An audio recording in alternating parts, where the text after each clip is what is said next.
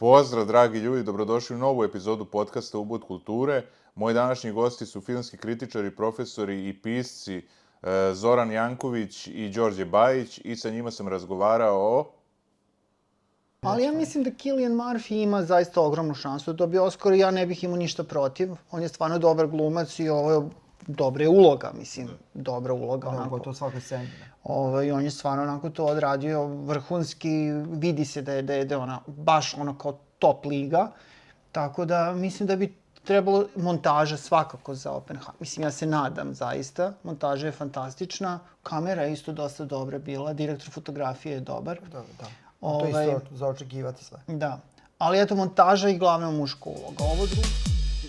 E, mislim da je to nekako jako dobro upakovano i ona negde, e, ono što negde može se posmatrati kao kukavičluk, a negde se može sa druge, iz druge str- vizura vi- gledati da je to hrabrost. Greta Gerwig je tu uspela da napravi neku ekvidistancu između e, ideje tog ve- intruzivnog feminizma gde, gde, gde sve mora imati opravdanje u, u, e, fe, u toj teoriji sve radikalnijeg feminizma u nekim e, konkretnim vidovima i a, sa druge strane patriarhata, jer se na kraju film, on nije spoiler, nego samo pričamo o ideji, završava, o, završava se u nekom pomiriteljskom tonu, da zapravo svi a, treba da osveste svoje mesto, da bi, a pre toga da osveste da drugi postoje sa svojim nekim stvarima. I to je negde da, da Barbie je zadobila publiku koja nije nužno samo... Dobro nameran je Dobro film. nameran je film, Mada neki šaran, smatruju da. da nije, ali...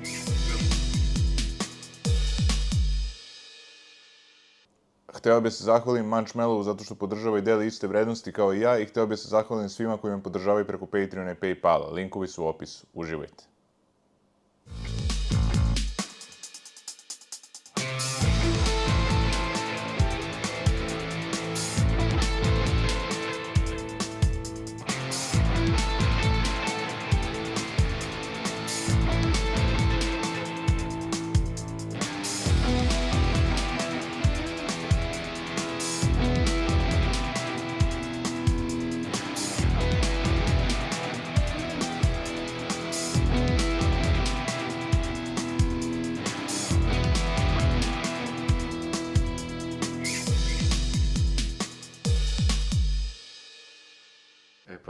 Đorđe, Zorane, do, dobrodošli. Mnogo vam hvala što ste došli.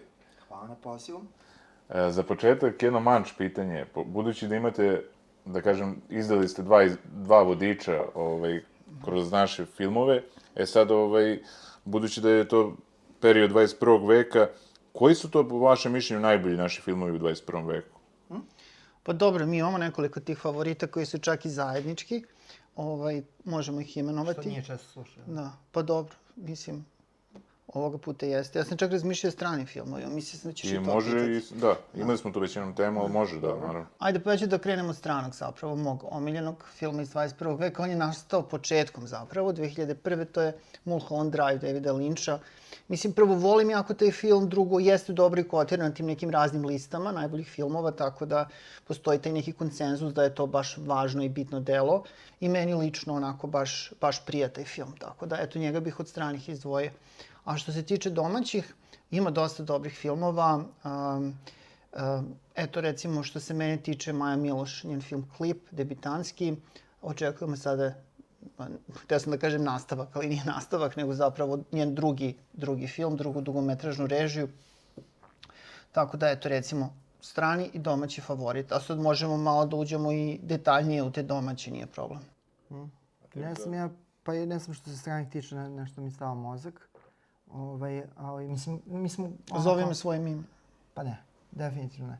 Ovaj, mi smo negde oko 200 puta godišnje idemo u bioskop, bio ona što se tiče redovnog repertoara, ili, on je manje filmova sada nego ranije i, i, fest, i festivalske projekcije, tako da je malo, i još ako se tu nek, bude još nekoliko stotina premjerno pogledanih filmova, pa je malo teže mi sad da se kroz to snađem, a ovo što smo pričali, ako je 21. vek i srpski, a, definitivno život i smrt porno bande uh, Mladena Đorđevića, tu je pomenuta Maja Miloš bila jedna od uh, asistenata, uh, asistenata režije. Eto, to, to bi bilo, i kada, kada je izašao prvi ovaj kritički vodič, kritički vodič kroz srpski film od 2000, od 2000 2017. uvijek je bilo to pitanje koji su nam najdraži uh, filmovi ili koje smatramo najkvalitetnijim, da ne odemo sad daleko pa kažem najznačajnijim, pošto treba više vremena da se to proceni. I nekako i kod Ivana Velisavljevića koji je prethodnu knjigu pisao sa nama, koji je ovde autor a, predgovora, uvek, su se, uvek smo se kretali negde u tom nekom krugu od 5-6 filmova koji su nam se podudarali. Tilva to, Roš. Tilva, to je bio Život i smrt porno bande, Tilva Roš, Nikola Ležajića, klip Maje Miloš, a, a, verovatno Edith i ja, ako se ja dobro sećam. Ja volim da. taj film. Edith i ja, kao Aleksa Gajića, kao primer, eto, animiranog filma, ne samo zato što je animiran, nego zato što je dobar. Uh, I nama se bio dopao, tu smo se sa Ivanom Velisavljevićem razilazili, nama se dopao uh, dosta i bio je tu pri vrhu, mm. uz ničije dete Vuka Ršumića pri vrhu je uvijek bio jedan film koji je malo ljudi pogledao, mislim tokom ove inicijalne bioskopske distribucije, on je imao oko hiljadu gledala, samo Travelator, scenaristi reditelja Dušana Milića koji je bio onako pravo otkrovenje, pušten nekoliko dana i dve, par sedmica pred Novu godinu tokom užasnog vremena. I to je film koji, koji je u prilici, svakako treba da ga da ga pogleda. I to bi bilo negde sad, mislim, ova, ovih, ov, ovih poslednjih pet godina, ne znam da li se nešto Sigurno baš... smo propustili Da. nešto, naravno, Mislim, ali... problem je kod, tog, kod te konzumacije i tolikog udubljivanja u materiju, što kod tih nekih brzih, nema brzih odgovora, pošto svašta... A, pa dobro, moj jutarnji smeh nam se dopao. Da, moj jutarnji to sam teo da kažem, da, da je to i Ceca Bojković navela kao jedan od omiljenih filmova i, i još film, neke ovaj, glumice. Da, to je film, to je film potpuno ono kao ovaj uh, bio ogromno iznenađenje, iznenađenje za nas. Mi smo gledali taj kratki film uh, tog Marka Đorđevića reditelja koji nam se izrazito nije dopao. Ono donjim čelicama, ne znam kako se zvao. Hmm. I nismo, uh, sem moj jutarnji smeh, uh, smo znali da se snima zato što je uh, producent bio Miloš Pušić, inače reditelj. Pa preko njega smo to nešto znali i zapravo to, to je film koji je uh, sniman etapno, menjanje me, metraža je menjana, ali u njemu je gotovo sve ovaj savršeno izvedeno, to je primjer jednog dobrog filma. I film koji može da se gleda više puta i koji je jako dobro zapravo iskustvo ako ga gledate sa publikom u Da, bioskopu. on, on je imao tu kao neku malo uh, ograničenu uh, bioskopsku distribuciju i bila su na projekcija u, u dvorani kulturnog centra gde su gde su dolaz, gde je ekipa dolazila da priča ovaj uh, priča sa autorom i bila je zaista navijačka atmosfera onako. Mislim to nije moglo da generiše neku veliku gledanost, ali ovaj uh, bila je jako topla re- reakcija na jednoj projekciji gde sam ja vodio te razgovore sa ekipom.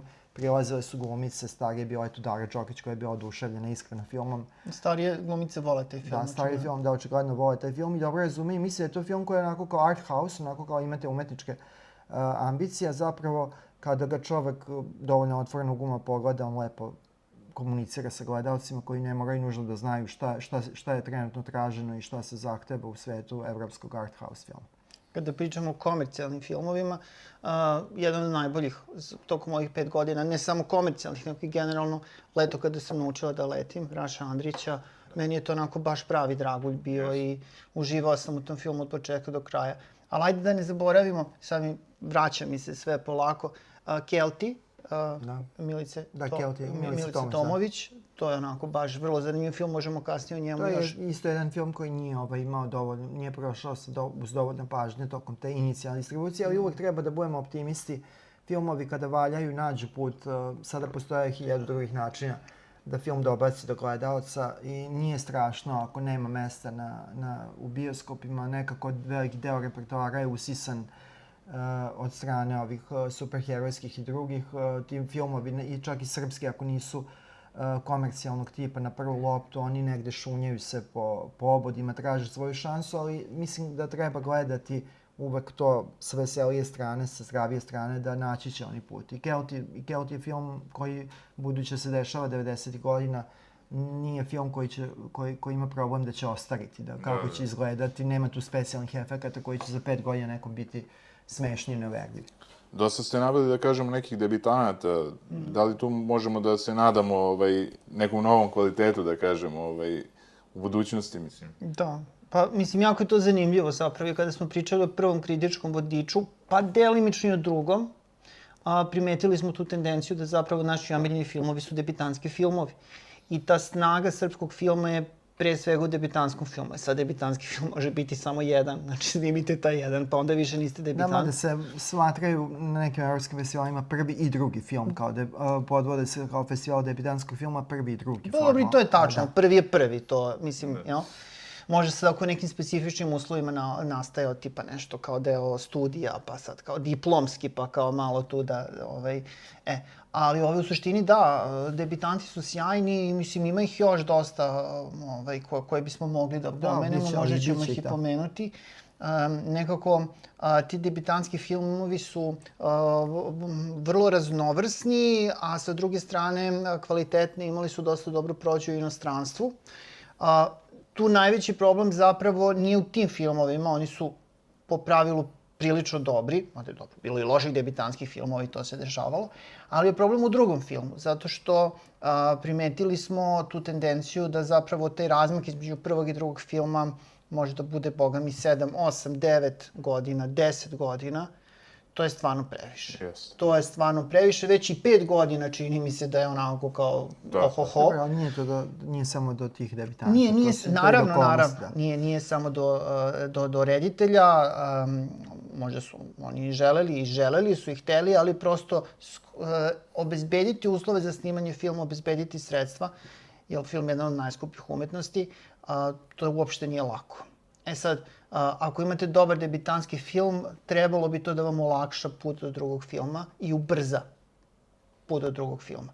Nisam siguran da je to uvek bio slučaj, nažalost, ali mislim da se, nadam se zapravo da se i to polako menja i možda su se generacije promenile pa su sad ovi mladi ljudi koji su došli onako malo preduzimljiviji. Dobro, i korona, je tu po, Ovaj. korona će tu dosta pomoći, to jest ove izmene usled korone, budući da dobar deo mladih uh, reditelja uh, nekako instinktivno, što je onako unutar tih par generacija, koristili su priliku da prate svoje filmove na festivalu. Ima tu dosta i turističkih pobuda. Ljudi su želeli da putuju, da odsedaju u hotelima. Dobro, da opet sedam da. godina je prevelika. I onda nekako, a sa druge strane je bio taj problem da uh, uh, srpska kinematografija, odnosno aktualni sistem je postavljen po uzoru na francusku, gde je, uh, uh, gde je većim delom film usmeren ka fondu, znači ka konkursima, ka tim, i usmeren je ka tim nekad i na silu koprodukcijama.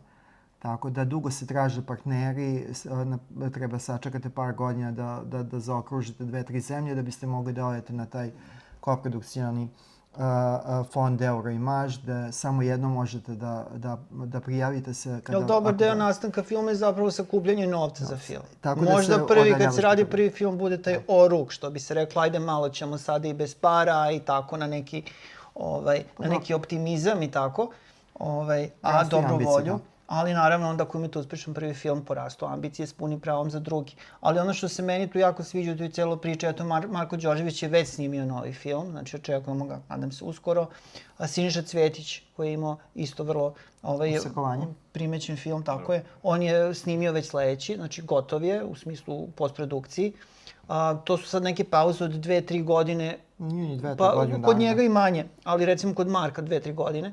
I mislim da je to onako kao, to je u redu. To je ono što mi se sviđa i nadam se da će toga biti sve više. Da će ljudi češće snimati. Dobro, dosta se snima, dosta njih se iscrpljuje radeći serije ili tako, ili po, pomoćnička, ovaj, to na, na, na pozicijama pomoćnika reditelja i to odvoči pažnju.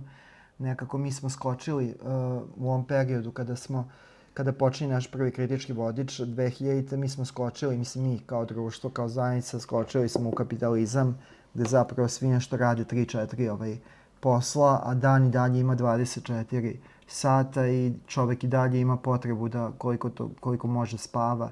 Tako da i to utiče, ali mislim da je što se toga tiče e, srpski film na dobrom putu ima kao tu e, zdravu tradiciju, već evo sad možemo reći najmanje 30 godina, ako zahvatimo i 90. kad se pojavio Dragojević ili tako, čitava ta a, a, ekipa sada već kao a, a, autora srednje generacije, da ima dobru zdravu tradiciju debitanskog filma i da ima na što se osloni. A srpski film je posebno zanimljiv u ovim regionalnim okvirima zato što je za razliku od svih ostalih na području, barem bivše Jugoslavije, ima taj transgeneracioni a, a, zahvat u smislu da kod nas imamo filmove debitanta, ali imamo i, filmove ljudi od 80 plus godina. 98. Znači 90. Puriša Đorđević je uspeo pred kraj u 99. godini pred kraj života da uradi film, ali mislim i na, i na Zdravko Šotru i na sve, znači ono Đorđe što... Kadijević, je li on Đorđe Kadijević, mislim sad on, ajde, ako počne da zbilja radi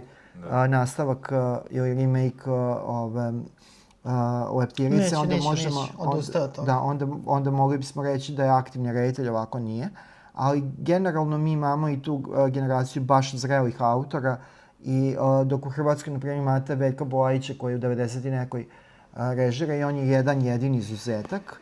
Kod nas je nekako pokriven čitav taj raspon, i, otprilike negde, aj sad ako uzmemo te krajnje primere, 70 godina uh, raspon na 65-70 godina između, naj, uh, između najmlađih autora sa sve večernim igranim filmovima i uh, onih uh, najstarijih koji su dobacili do istog cilja. A eto, kad smo kod debi filmova, pošto smo pričali, koji to režiser, da li strani ili naš, je napravio tako, do, tako dobar prvi film da više nije uspeo da ovaj, nadmaši to prvo delo?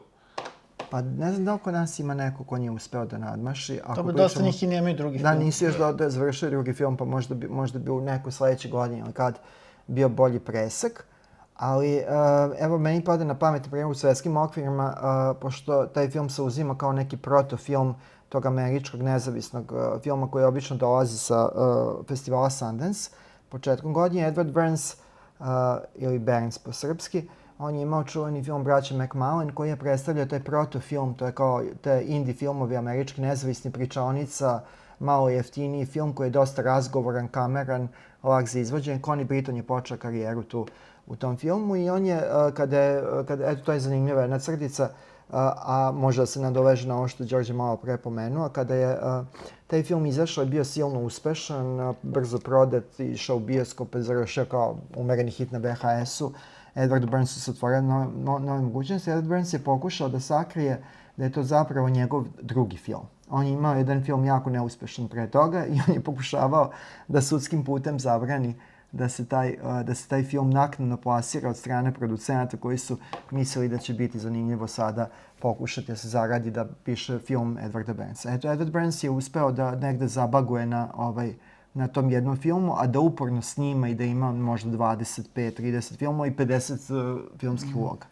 Mislim da ima, da, da je to uh, često, na primjer, kada se pojavi neki novi film i odemo da vidimo pa se ispostavi da je neko imao sjajan početak, na primjer baš na Sundance ili na Tribeca festivalu, tako na tim kao viđenim gde se, hajpu, da se hajpuju filmovi, a da je posle neko nestao. Mislim da smo pričali jednom o slučaju nekom uh, nečijem ko je pobedio na Sundance, recimo, a da je posle ništa, ništa, ništa godinama i da je završio radeći filmove za Hallmark i Lifetime, to je ovo što se samo radi, ove Da. božićni, romantične komedije, jako niskog intenziteta. Znači ima slučajeva.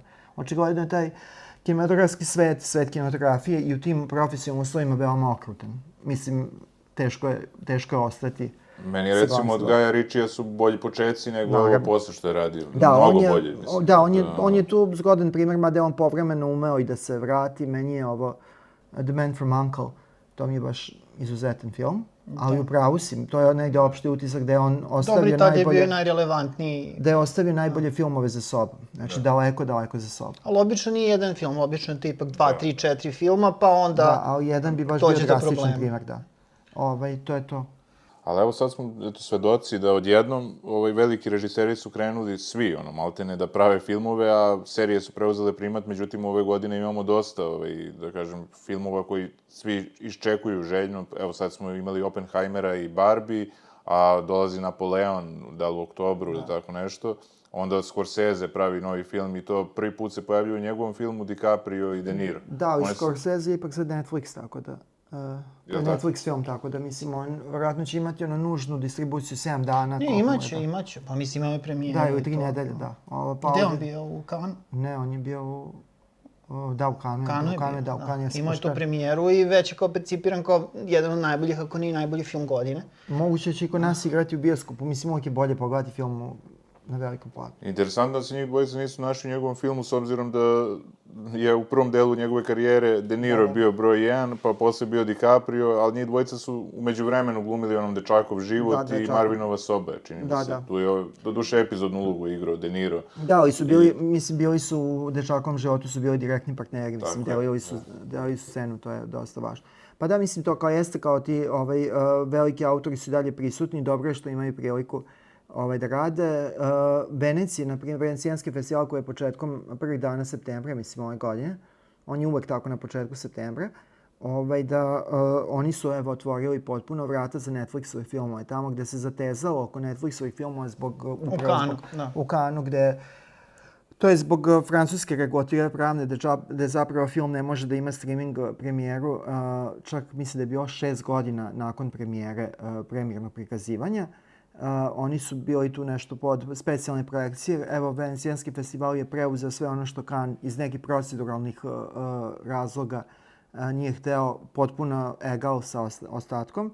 I uh, mislim ovo što si krenuo, ta tema jeste zanimljiva, ali mislim da smo se mi ovde kod ovog Barbie Oppenheimer, da smo se mi našli u onoj situaciji koju smo imali mi, ne mi, mislim mi kao Srbija, kao ovaj, srpsko tržište, ovaj, da je ovo uh, pandan onome Toma Južni vetar, da su dva filma dosta brzo izašla, da su komercijalno uspešna, ali da se onda neće lako ponoviti ovaj, a, to da nema nagove što je da će za mesec dana, za tri meseca biti neki par. Mislim Mislim da... da onda bi Barbie bilo Tom.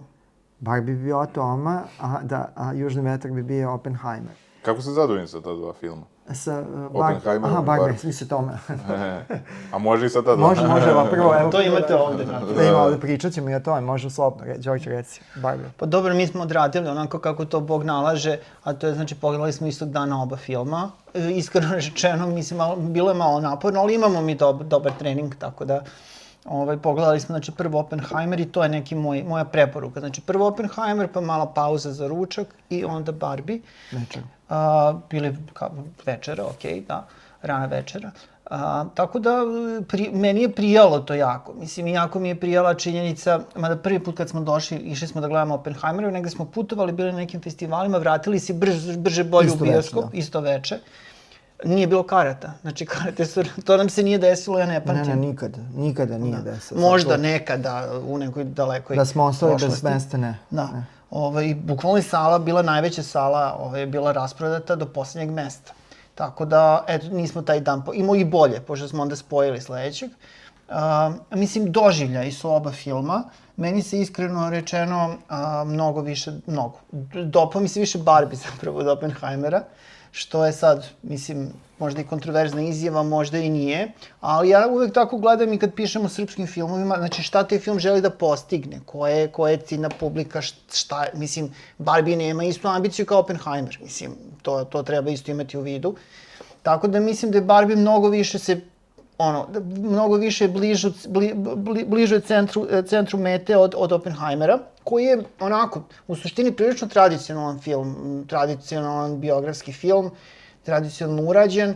A, najveća možda vrednost Oppenheimera, pored naravno te sjajne produkcije, kamere, to sve stoji, to nije ništa sporno, jeste montaža. Montaža je fantastična zapravo i čini mi se da ovaj, bez tako dobre montaže taj film bi bio jako teško pratiti.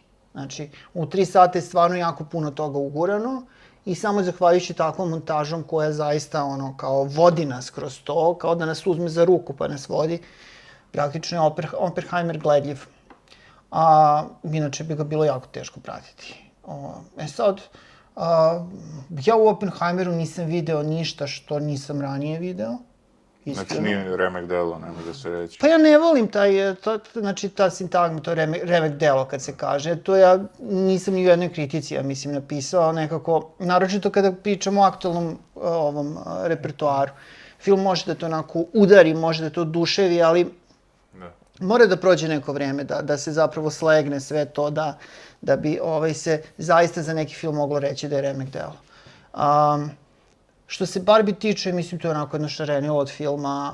Ono što je meni tu mm, jako bilo značajno jeste da je Greta Gerwig, inače Zoranova prijateljica.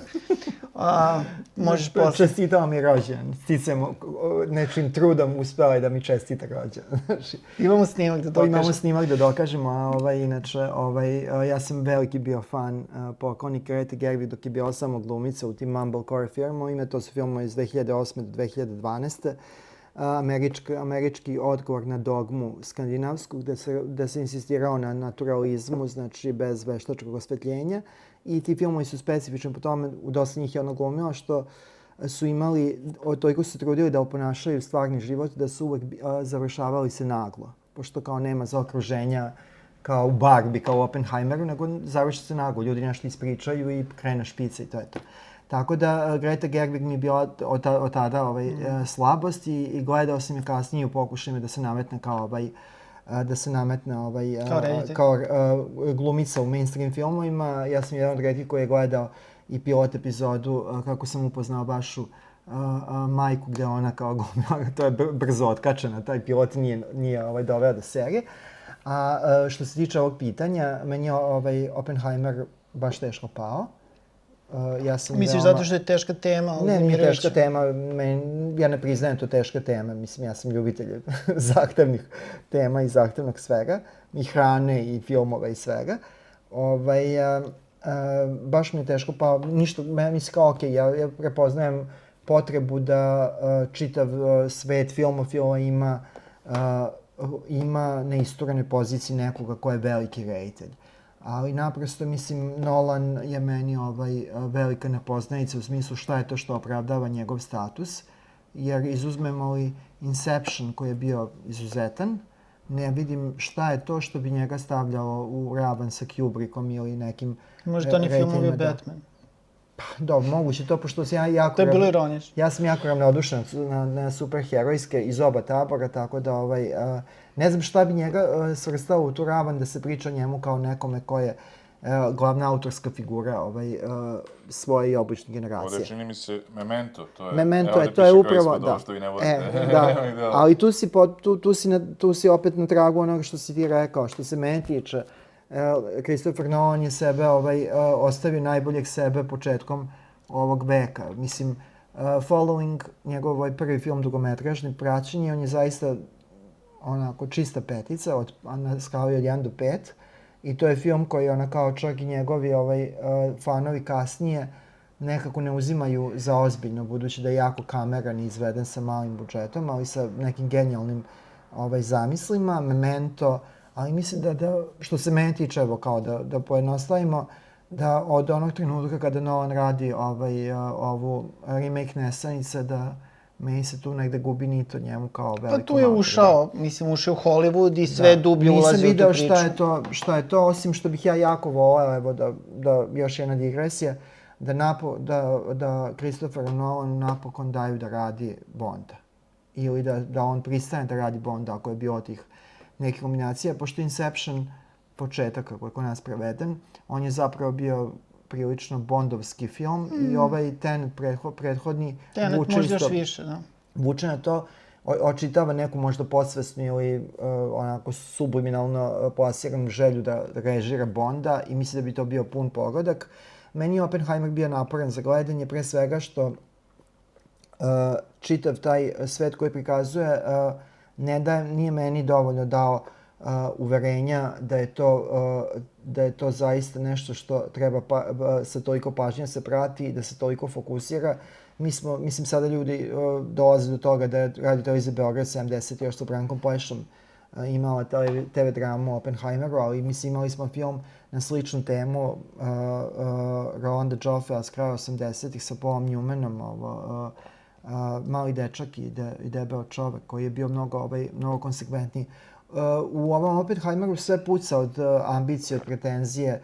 Uh, svi glumci konstantno, a to je tri sata okrugog trajanja, uh, pričaju kao da su u traileru. Znači sa, sa, tom, uh, sa tom dramom koju srećemo u traileru, da, sve, da svi izbacuju neke te one-linere, kao Dobro, da je užas nešto važno izmontiran. A pritom je i film montiran kao da je trailer samo daleko bilo ako je trailer od 3 sata, to bi značilo da film treba traje 5 dana.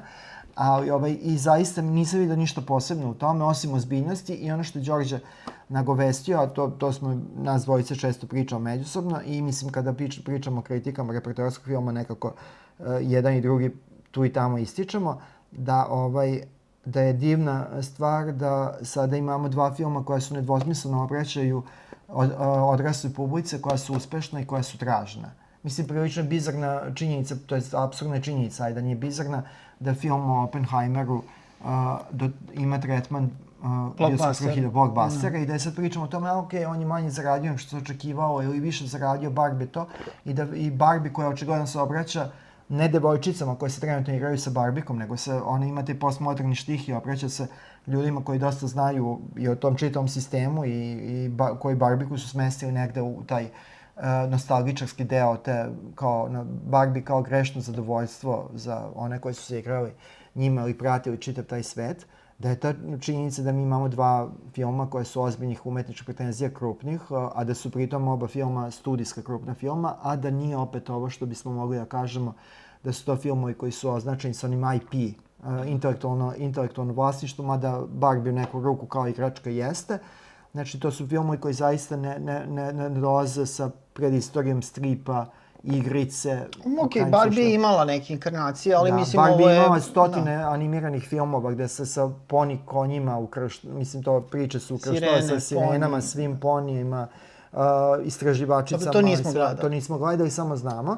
Ali meni je to, meni je Oppenheimer, mimo toga što smo ga prvo gledali, dosta teže pao i Barbie mi je bio onako baš jedan postmoderni onako. Čak ovaj, smo i reprizirali. Da, i reprizirali smo juče, znači 7 dana nakon prvog gledanja, odgledali smo još jednom i Barbie onako jako, jako zanimljiva šarenica, duhovita.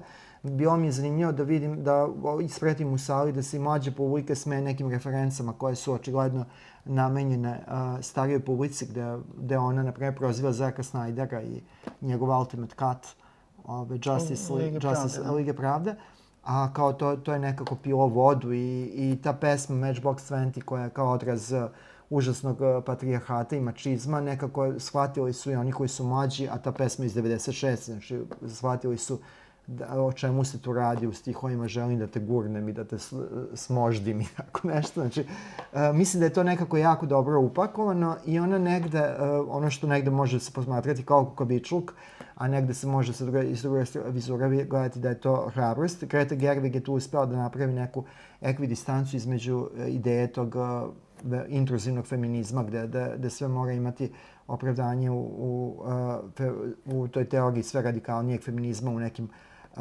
konkretnim vidovima i uh, sa druge strane patriarhata, jer se na kraju film, on nije spoiler, nego samo pričamo o ideji, završava, o, završava se u nekom pomiriteljskom tonu da zapravo svi uh, treba da osveste svoje mesto, da bi, a pre toga da osveste da drugi postoje sa svojim nekim stvarima i to je negde da, da Barbie je zadobila publiku koja nije nužno samo... Dobro nameran je film. Dobro nameran je film. Mada neki smatruju da. da nije, ali Da, vidio sam ne, kod nekih kritika da kritikuju kao film u smislu da su muškarci predstavljeni kao da su mnogo gluplji od žena i da je to kao neki kao problem pa ne film, znam, kao da- Gosling da... i ne znam, mada hvala njegovu glumu kao da, glumu. Da, da. Mislim, da... Gosling je lutka, mislim, da. među ostalog. Mislim, lutka, koja, lutka koja govori koja, i koja, koja u nekom trenutku osvesti svoj, pro, svoj problem, uh, definitivno nije glupa, mislim.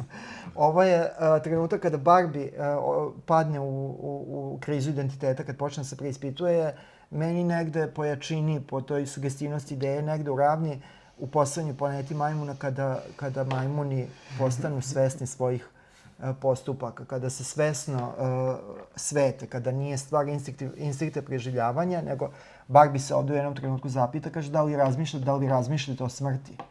I počinje da je, da je bole stopala, počinje da se raspoložena budi, da preispituje, to je onako dosta hrabro i mislim da je najveća hrabrost bila zapravo Mattel kao proizvođač i vlasnik tog brenda, uh, mada da puste da se to radi da. sa njihovim... Da su dali, uh, da verovatno ne carte blanche, ali su dosta slobode dali Ali mislim da je to kao da tu pomaže taj hype, Greta Gerwig je veoma hajpovana u tom indi, dolazi tog indi sveta.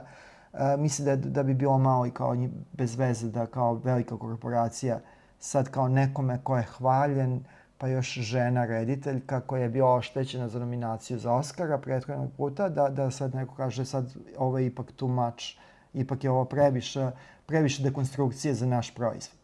Tim pre što oni imaju filmsku industriju, sve ovi animirani filmovi su njihovi. Dobro, ali eto, svi su tu na, na dobitku i zapravo uh, mislim da je to dokaz da ne mora uvek da se igra na potpuno sigurno. Malo da. treba riskirati negde i onda rezultat ne, ne, ovaj, ne izostane često ne izostane, poneke put izostane i tada. E sad bit će zanimljivo vidjeti kako će Barbie sa 5, 10, 15 godina, da li će ostati, zadržati taj neki status, pa kao i sa Oppenheimer u krajnjoj liniji. Da, znači. Pa mislim da ona ima velike šanse. Da. Mislim ima da, velike da, da. šanse, da. budući, na primjer, da neki filmovi koji su čak i muzikle, a Barbie je jednim delom i ima i te muzičke ovaj, numere, dobro stare, ili Moulin Rouge, kada mm. gledamo Baza Lurmana i dalje je dobar film. Bolesni od ljubavi ili ono Down with Love, to je isto izuzetan film koji imate retro šmek. Ne, ne, Da, ne gubim se dobro, ali mislim, Barbie ih je sve nadvisila na nivou fenomena i to će biti verovatno najgledaniji film Barbie je ovde negde na, Barbie je negde na visu ovog, na visinama ovog uh, prvog Lego filma koji je bio briljantan. Jeste. Znači, on je meni uh, kvalitetniji i bliži od Barbie, ali uh, ta vrsta neočekivane interpretacije gde imate zadatu temu manje više i kao napravite neku potpuno ludilo neočekivano, a sve to u okviru studijskog filma koji mora da poštuje neke datosti da bi bio plasiran uh, u, u toj meri i u tom obimu, to je ko za svaku pohvalu. I super je da i kod nas isto tako gledano. Mi smo ljubitelji praznih bioskopa, ali to su naši sebični motivi, zato što volimo da, da imamo prostora za sebe i da sedimo negde u nekom uh, gore na 15. redu po, po, to, na miru. Ali super da bude ovaj, uh, popunjeni bioskopi, još pre ako su filmovi koji su blizu mozga, jer nekako mi zaboravljamo da, da film, mimo toga što pojedinačni film nama znači, film je zapravo, ima potrebu da zaradi i da je to sistem koji mora samog sebe da održava. Da, zanimljivo je da su ljudi dovodili baš malo decu na Barbie, znači devojčica od pet godina recimo, a, čak su im i čitali ove titlove. Možda nema ih gde da ostave. A, pa dobro, moguće da i to, a moguće da su zaista mislili da kao film je Barbie, ali... Mislim, bili smo da. mi svedo, Da, mi smo kao bili dečiji da, film, da, da. mi Ali smo nije bili dečiji. Da, da, Mi smo bili svedoci do duše na, na, na projekciji filma u jednom od sestar- centara filma Sveta Petka Krst u pustinji da je uh, žena dovela bebu u kolicima. I stavila ispred ekrana Ispred kolica ekrana, i- da. Tako I dojila bebu i tako. Bilo je da. zanimljivo. Da, zanimljivih stvari ima u bioskopima. Ako To se... duže. Ovaj, evo već kad smo kod toga, eto, to je zanimljiva priča. Kada smo išli jedne večeri da gledamo film Terrifier 2, to je onaj kao splatter horror, ekstreman horror, zaista. Znači, Jedan od tih kao- sirotinskih horora koje je dobacio do bioskopa. Da, i koji je kao postao neki hit prilično kao u tim, u tom rangu veliki u Americi, fenomen, manji fenomen, ali fenomen, koji je stvarno jako nas. To je znači baš ono kao ekstremno nasilje. Ovaj, mi smo bili naš dvojica, 40 plus, blizu 50, Da. i znači 20 dece, bukvalno do 13 godina. Ali mislim od 9 do 12, 13 godina.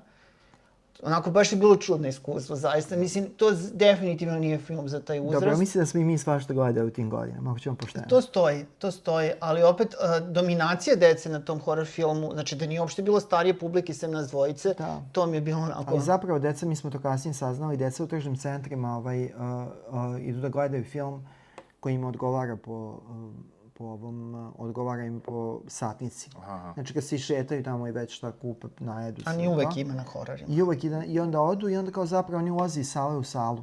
Za jednu kartu uzmu uzorak od 780 filmova, što je kao ekonomski dosta do, domišljata. I Dobro, znaš to što su... nisu isto vreme projekcije. Da, da, pa to, nešto, ali kao ne, pa ne, Ali okej, mislim oni da im da- to čak i ne smeta, oni su sad ta TikTok generacija, znači po dva, tri minuta oni mogu da štrpnu u jednoj Da, da, da. sali, da pređu u drugu, tako da... E da, ovaj, ja sam se setio koji mi je omiljeni film u 21.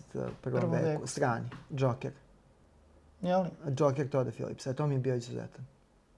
Eto, sećaš da smo gledali tri puta u neku kratku Da, vremenu. Sa dobro. Phoenixom. Da, sa Phoenixom o njemu pričam. Da. Sad Toda čekaš Phillipsa, nastavak. Ali evo ja Sad- sad- Da. Nisam je nešto kao to, Da. čekam neki film, bit će svega, ali kao... Ali skoro sam gledao ovaj film, ja ranije to nisam gledao, kraj komedije. Dosta me Joker ima neku asocijaciju Ima, na taj ima, film. on, je, on tu pravi referencu s tim da je kralj komedije, to mora da bude uvek podcrtano. Kralj komedije je kao i filmovi koji su nastali u tom periodu, uh, ovi, uh, uh, uh, Scorseseovi su bili opterećeni, uh, tu upada idiotska noć, opterećeni njegovim problemima sa kokainom. Aha. On je u tom trenutku bio i, na, i heroin i kokain je bio u, u pitanju i to su, to su je, filmovi u kojima se dobar deo raspada njegove, njegov, nje, njegovog bića se preneo. Jer kada gledate Kralj komediju, on je toliko musa film da, da, da više pripada 70-im i njegovim početcima nego 80-im, ali on je eto sada jako mudro to u Jokeru Da. napravio elipsu ka tome. Čak da se i ovaj- De Niro pojavljuje. da, čak se i De. Niro pojavljuje da ponovi, da. Da. ponovi, da se napravi to krug. Tako da je ovaj, svi filmovi iz tog perioda Scorsese su bili uh, počudni i, jer je to bio naprosto taj period. Uh, prvi film posle, posle te faze bio je Poslednji Hristovo uh, iskušenje, tad se kao vratio tom uh, bigger than life, tom Tu je Defoe. Defoe, glumio. da, Defoe, da. Mislim da je on dosta pocenjen. Mislim, pocenjen. On je fantastičan glumac. Jeste, ali da, mislim da je on do sad generalno- 100 Oscara, mislim. Ma naravno, mislim da to, to, to pitanje Oscara ima. Glenn Da. Close nikada nije dobio Oscara. Mislim, Da. to kao čovjek, čovjek su hteli jedna godina je bila kao neka kampanja da je daju Oscara za neki film koji je tipe bio norveški, danski, koji otprilike možda su gledali tamo ljudi koji su morali. Uh, sa Jonathanom Price-u nešto, ona je glumila suprugu, kao dajte joj bilo šta, kao. Što je prilično ponižavajuće, kao da, da se svodi na to, da se odradi kvota. U krajnjem slučaju, oni imaju to za životno delo kad umre, spakovaće neku priču. Tako su dali Peter O'Toole isto, koji da, ima osam Peter, nominacija. Da. Isto Ali evo, Defoe je kao zanimljiv. Defoe je krenuo kao glumac iz fizičkog teatra, eksperimentalnog teatra uh, i u, u, ako se uzme Loveless od Catherine Bigelow, on je tu već 40 punih mm. godina uh, u poslu sa da. dosta glavnih uloga. Što da i ne gubi da. na tom intenzitetu. Mislim, on Mislim, je dalje aktuelan, tražen, cenjen. Da. Tako je, da. Da. Čak ovaj u posljednje vreme filmovi su mu isto odlični bili, mislim, tako da... On je odličan glumac, da, tako da, mislim, prosto stavite ga. Sad smo gledali na Paliću ovaj da, film. Da, grčko. Uh, grčko, belgijsko. Grčko, američko, da, nego Ali suštinski američki film koji da, je to. Da, ovaj, sad mi pobeže... Inside, zarobljen. In, da, Inside je na engleskom, gde je praktično on u svakom kadru, znači nema drugih da. glumaca. Nešto malo na monitorima se vide neki ljudi. Mislim, nismo nešto bili oduševljeni tim filmom, ali smo bili oduševljeni njegovom glumom. Tako I taj da, fizikus koji da. je dalje tu, on je sap sapet onako dosta, pošto je jako važno za ulogu čoveka zarobljen u skupocenom penthouse koji nema da jede. Kao. Pljačka što je kao. A to su korona filmovi, ali kako snimiti mikrofilm da, da se što manje ljudi susreću jedni sa drugim. Dobro, onda je pametan u izboru da. uzeti Willema Dafoe. Da, da. da. Ali kad smo kod Oscara, eto, da li iz ova dva filma možemo očekivati neke Oscare? Čuo sam da je Robert Downey Jr. odigrao kao jednu od uloga karijere, pa kao... Pa pazite, veoma, veoma moguće, samo pitanje, ako su sad pušteni u julu, ovi favoriti, obično su ovi Čuvaju se. Da. Čuvaju da. se da budu prikazani u Torontu u septembru. Scorsese je tu da. isto. Da. To će biti mislim isto da su, krupan. Da su ovi s kraja jeseni, da su oni Ali ja mislim da Killian Murphy ima zaista ogromnu šansu da dobije Oscar i ja ne bih imao ništa protiv. On je stvarno dobar glumac i ovo je dobra je uloga, mislim, da. dobra uloga. Da, onako. to svakoj sceni. Da. Ovaj, on je stvarno onako to odradio vrhunski, vidi se da je, da je, da je ona baš ono kao top liga. Tako da mislim da bi trebalo montaža svakako za Oppenheimer. Mislim, ja se nadam zaista. Montaža je fantastična. Kamera je isto dosta dobra bila. Direktor fotografije je dobar. Da, da. Ovaj, to je isto za očekivati sve. Da. Ali eto, montaža i glavna muška uloga. Ovo drugo ne isključujem, ali kažem, Scorsese će isto biti veliki tu Ne, tek ovaj, počinje sezona, tako da. A čak nisam protiv te ideje da i Barbie dobije neku nominaciju, možda čak, mislim, Ryan Gosling je fantastičan kao Ken, možda bi mogao za epizodnu mušku ulogu da, da, ovaj, e, da dobije da, nominaciju, to, to, to, ali... toga da li to epizodne ili glavne, pa, kako se... Da, A Phoenix za Napoleona, mnogi smatruju pa, nismo da gledali. Nismo još gledali, mislim, ja nisam ljubitelj njegove ove glume. Mislim da što Joker, Joker, ne Jokera, mislim da je odličan film, ali, ali mi on, on mi nekako ne, ne prija po svom sastavu. Mislim, kad je bio dete, kad sam ga gledao u tinejdžerskim filmom kao dete 80-ih, tad mi je bio u redu. Od prilike negde To Die For mi se izgubio, tu je već bio pretenciozan ali moguće da će to biti nešto, mada ja sam više, od, što se tiče njegove, od njegove glume, više sam sumničao po po, po pitanju toga da Ridley Scott može napraviti dobar film i dalje, a da bude uspešan. Pa ja mislim da je meni čak možda omiljeniji Tony Scott u toj varijanti. Pa pravi filmovi se prepoznaju po tome, to imate dva lakmus, dva lakmus papira, znači pravi filmofil i oni koji zbilja pokazuju, uh, poznaju film i osjećaju dobar film, Svima je Tony Scott uh, preferenca u odnosu Ridley Scotta. Drugo, znači mi smo da, ovde pravi film. Da, pravi filmofil. Drugo, drugo je kao pitanje kako prepoznati pravog filmofila kada pomenete i prezime Lester i Rated. Pravi filmofil pita da li misliš na Richarda Lestera koji je radio filmove sa Beatlesima i sve kasnije dosta, ili Marka Lestera koji je radio 80-ih komandusa sa uh, ovim uh, Schwarzeneggerom, Firestar, uh, pomeno podpodjevačica po Stevenu Kingu sa Drew Barrymore, kasnije skliznu u VHS svet, ali to je, to je reditelj koga znaju oni koji na neku petu, šestu decimalu znaju film, tako da, da Tony Scott je velika ljubav svih filmova. Da, mislim, ja volim Ridley Scott, ima, mislim, neki od njegovih filmova su mi omiljeni filmovi svih vremena, Blade Runner, Osmi putnik, da. to je baš... Ali on ima ogromnu karijeru, mislim, čak možda i karijera duže trajala nego što bi trebalo i stvarno se svega i svačega nas, nasnimao. Yes. Nestao je da. pogrešan Scott. pa dobro. Recimo, da. Bilo bi super da se obojice. Da, da, da, obojice, da. Mislim, e, to nije, to nije radio i te fancy spotove za Duran Duran i tako. Ti, s početka 80-ih svi oni spotovi kad se oni nešto njišu, Spandau Ballet, oni kad se njišu na, u nekim velikim modelima na nekom brdiću i to, to je... Dobri su Scott, Scottovi da, su dobri. Ali on ima definitivno mnogo više filmova koji su meni ovaj, koji su meni Volao dragi. si da. Scott. Da, volao sam Scotta. Ali kad smo kod, e, da kažem, uopšte generalno stranih filmova, nevezano od 21. veka, da li imate neke vaše omiljene filmove, ono, O, koji su vam pa svašta. život? Nacije. Da, ja, ja, ja, ne znam, meni evo ja sam sad ovde gledao šta, šta je ovde na stolu, ja volim jako Billy Wildera, pa bilo šta od Billy Wildera. On dobar je bili, da. Billy Wilder, ja kad sam bio dete, uh, kad sam bio baš mali na Radio za Beograd su jako često, možda jednom tri nedelje, dve, tri nedelje, emitovao njegov film Fedora, koji meni bio posle veliko otkrovenje da film zapravo i nije mnogo, mnogo kvalitetan, to je njegov pozni film, ali unutar karijere možda njega najviše volim. Da, volim znači, i, da. kao opusa, to mi je, eto, omiljeni, omiljeni ga je. Ja volim Hitchcock od ovih klasičnih, on mi onako baš ima dobru karijeru, dugu karijeru, odlične filmove, svašta nešto, tu ima nekoliko tih faza. Ove, ali naravno, mislim, volim noir klasičan, taj period, Dmitrika. Mislim, prilično je širok taj neki dijapazon i ako se krene malo dublje, malo dalje, svašta nešto lepo čovjek može da, da ovaj, pronaći. Veliki problem je što dosta ljudi zapravo gleda samo nove filmove. I onda nema tu neku A vrstu... pritom živimo u periodu kada može da se gleda sve. No. Sve mi smo, dostupno, Mi smo one sve. generacije koje su dočekale pojavu interneta sa kucajući pitanja, film u kome nešto se, u kome žena biva zarobljena ispod stepenica. Tražili smo filmove po sećanju, po nekim kao to, lutka koja trepne u nekom trenutku ili tako. A sada zaista može da se nađe sve i gotovo sve je dostupno na ovaj ili onaj način, a onda ljudi se ipak zakucaju za to. Ali dobro, kao da budemo pošteni, uh, da ljudi gledaju filmove onoliko koliko im je potrebno, ali na ko- koliko i mogu, mislim. Nema neko sad ceo dan da, da ovaj gleda film. Mi često repriziramo filmove koje nismo dugo gledali.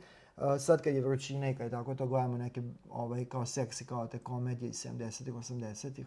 One su bezumni loše, ali kao, evo juče smo gledali neki film Hank u kome se, u kome statira Brad Pitt, eto. To. Ali baš statira. Baš kao, da. statira na plaži. Ovaj, To mu je prvo, može, verovatno, prvo, uloga.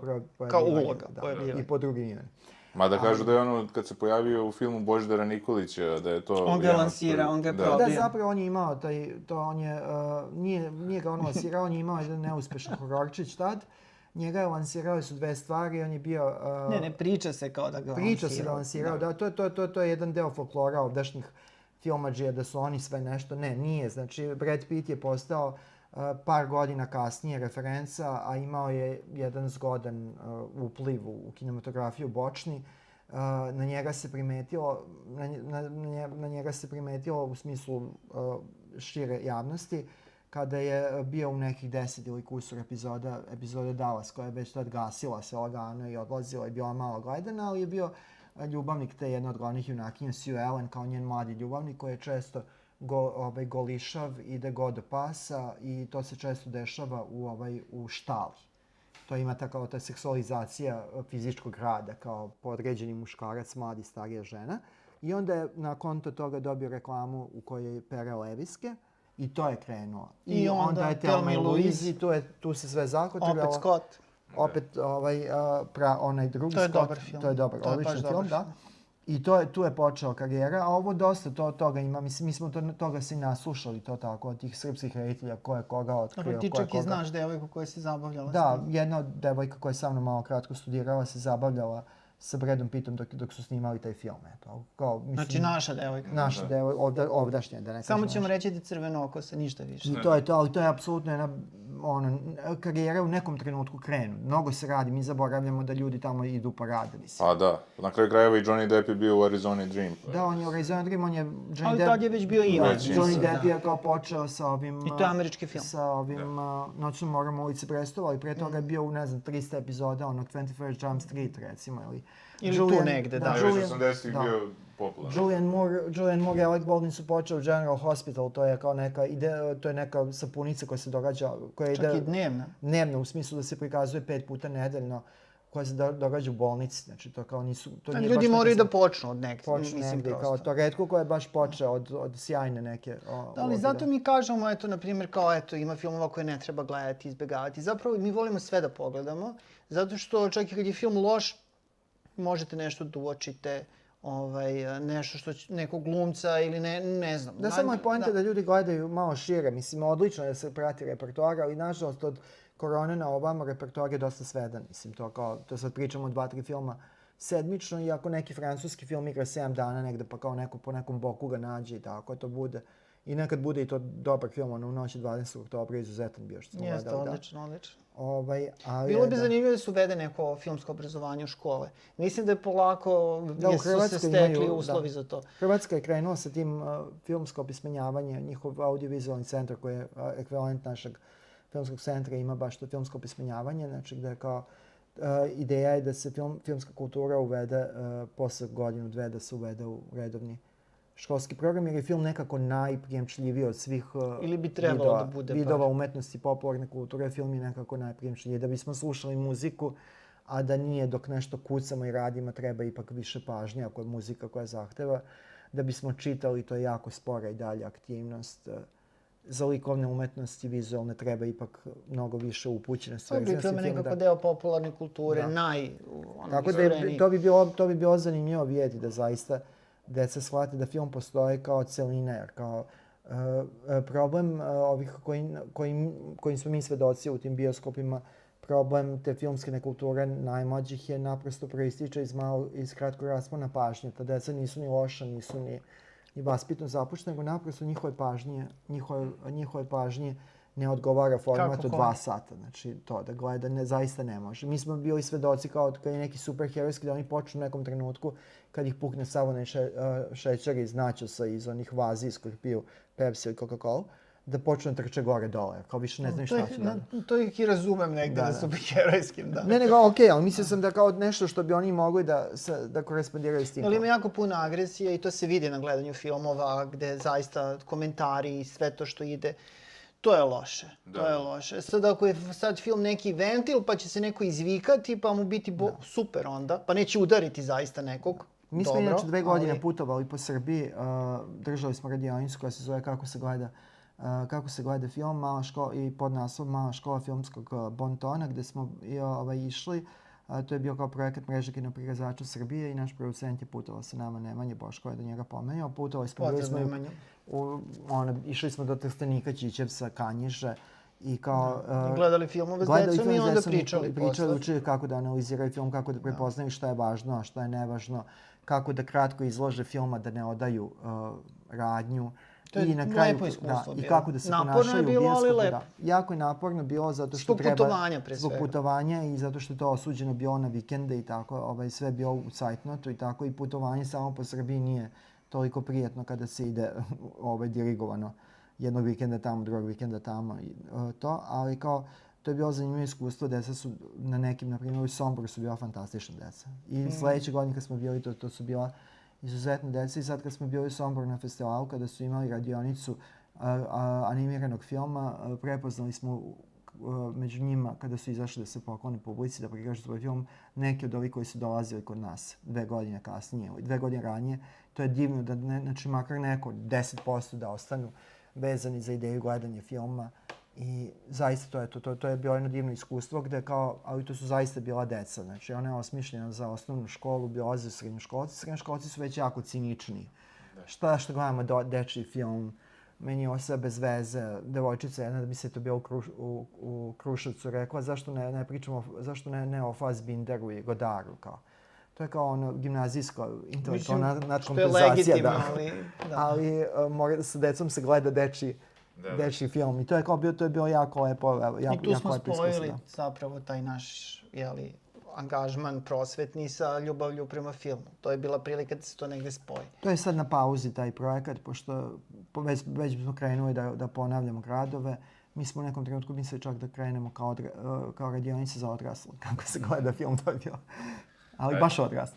A eto kad spominjete to puštanje filmova po školama, ja se sjećam da su se nama pustili samo jedan jedini film tokom i osnovne i srednje škole, to je bilo u srednjoj školi, profesor veronauke nam je pustio sedam i po. O. I to je, ovaj, i to je... Zanimljivo, da. Dobro da nije sedam. Da, dobro, nije sedam, da. Devet i po nedelje. Sedam bi bio bolji izbor, kao da, sedam i po, da. Ali jeste zanimljivo, zanimljivo. Ovaj, sedam je fantastičan film, a sedam i po, šta vi mislite o tom filmu, ovaj, našem? Sedam i po. Pa ja nisam neki, ovaj, ja nisam neki ljubitelj ni tog filma, niti ostalih filmova ovaj, uh, Miroslava Momčilovića. Meni je od njegovih filmova najbliži ovaj, uh, Smrt čoveka na Balkanu, pošto je imao tu posebnu estetizaciju. Ovo razumem koncept i razumem sve i razumem zašto su ljudi ovaj, zašto su ljudi dobro reagovali na njega i sjajno je da, da toga ima, ovaj, ali ja sam ipak na ovoj strani gde je sed. Znači, Da, da. da je Fincherov sed. A neumerenost u jelu pi- i pića, eto, to je moj omiljeni sad. I malo gnev. Da. Tako da, mislim, evo, ja, ja, ja sam na generaciji koja je gledala u bioskopu, vodili su nas da gledamo u bioskopu ove e, Svet koji nestaje i ono, Poslednja oaza, što su kao dobri dokumentarni filmovi sa životinjama, ali dosta tih filmova, u, do, u do, dobrom delu filma ima mnogo seksa među životinjama, što je za, za osnovno školce kao malo reći ovaj, da, je- da je to urnebesno ovaj, to. I gledali smo oce na službenom putu iz nekog, e, Lele. iz nekog bizarnog geografskog razloga, gde, gde, gde smo pogledali nešto što definitivno nije bilo za uzrast od, od uh, petog razreda ili šestog kad je to bilo. Ovaj. A eto, pitao sam vas koji su vam omiljeni režiseri strani i to van ovog 21. veka, a što se tiče naših filmova van 21. veka, da li se to u Crnom talasu nalaze najjače ostvarenja ili kasnije? Pa ja, ne. mislim, ja cenim, cenim Crni talas definitivno, ali kao nije mi to ovaj, pod A. Ovaj, Aleksandar Petrović, dobro, mislim, on ima svašta je snimao, ali ima dobrih zaista filmova zanimljivih i on je čovek sa međunarodnom karijerom, što se ne može reći za puno naših reditelja. Makavejev je zanimljiv jako bio i on je isto uspeo zapravo da napravi taj prodor i da postane međunarodno poznato i priznato ime. A, ali imamo mi neke druge favorite koje možda nisu tako, da kažem, na prvu loptu.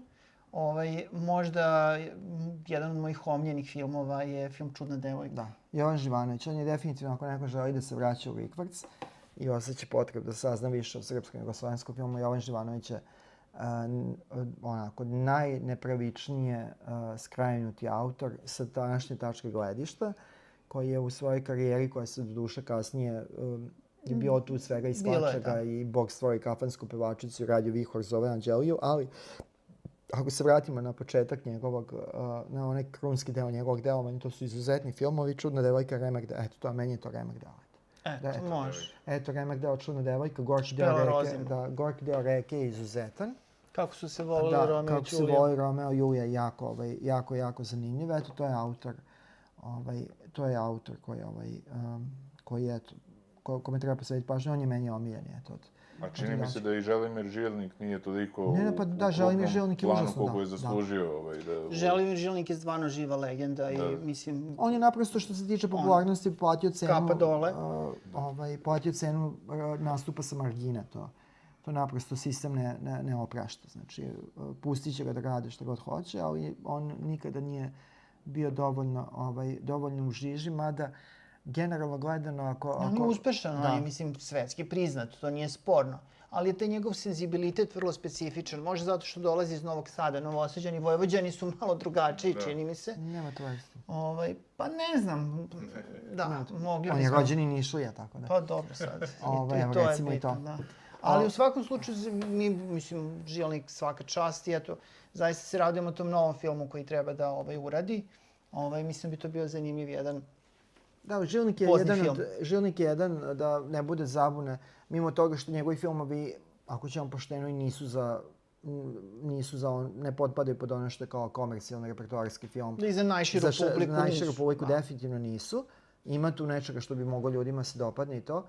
Ali uh, Želimir Žilnik je uh, od, uh, od autora koji su živi, a posebno oni koji su stari i aktivni, a posebno u ovih, evo, poslednjih tri decenije, najvrednovaniji uh, srpski filmski autor u svetskim okvirima i ako treba neka potvrda, eto možete otići na njegov sajt želim, gde imaju izvodi silnih kritika. Ljudi su pisali stručne radove u Južnoj Americi o njemu. Znači, on jeste prepoznat uh, Jeste. uh, kao važan autor. I sad što ti filmovi nisu posebno bili popularni, mislim da njemu generalno ne bi godilo, ali neka zadovoljština bi mogla da bude da se makar s vremena na vreme organizuje na sveobuhvatna retrospektiva, da televizije budu malo odrešitije, da ne gledamo ono ovaj, Žikinu dinastiju i hajde se volimo svake nove godine, može makar u nekom bočnom terminu da bude neki od njegovih filmova pa da vidimo. I to je autor koji je kao redko koji ovdašnji autor išao u korak te, te, sa temama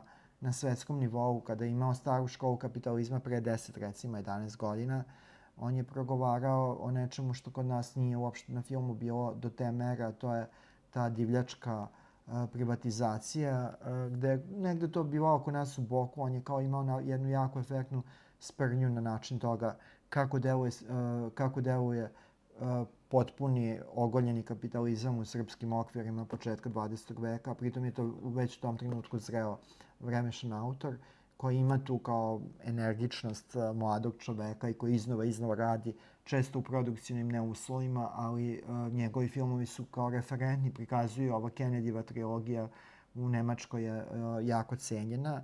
I uh, mislim da prava mera Žilnikovog, Žilnikove percepcije jeste u, u svetu ljudi koji, koji prate film uh, iz, tog, iz tog ugla, a ne iz ugla filmova koji igraju uh, koji igraju u bioskopima, ali evo zanimljiva podatak, uh, usred ludi gde ono 90-ih groznih, Želimir Žilnik je imao svečanu premijeru svog filma uh, Marble S, zadnjica od Mermera, imao je u Sava centru sa crvenim tepihom, gde su njegovi... Mislim da je čak dupe baš. A, da, dupe od Mermera, ovaj, a, gde, gde su njegovi transvest, mislim, transvestiti koji su glumili u njegovom filmu šetali kao hollywoodske glumice i to je to je to to je Je to je bila i prilika, Kozil? da da ko, Kozi je bila Kozil je bila ko, čuvena Koza iz tog filma ali ovaj eto to je bio trenutak kad se on kao možda kao u tom nekom figurativnom smislu prima kao najviše kao tom glavnom toku u smislu percepcije. Dobro, to je film nagrađen u Berlinu, Da. između ostalog.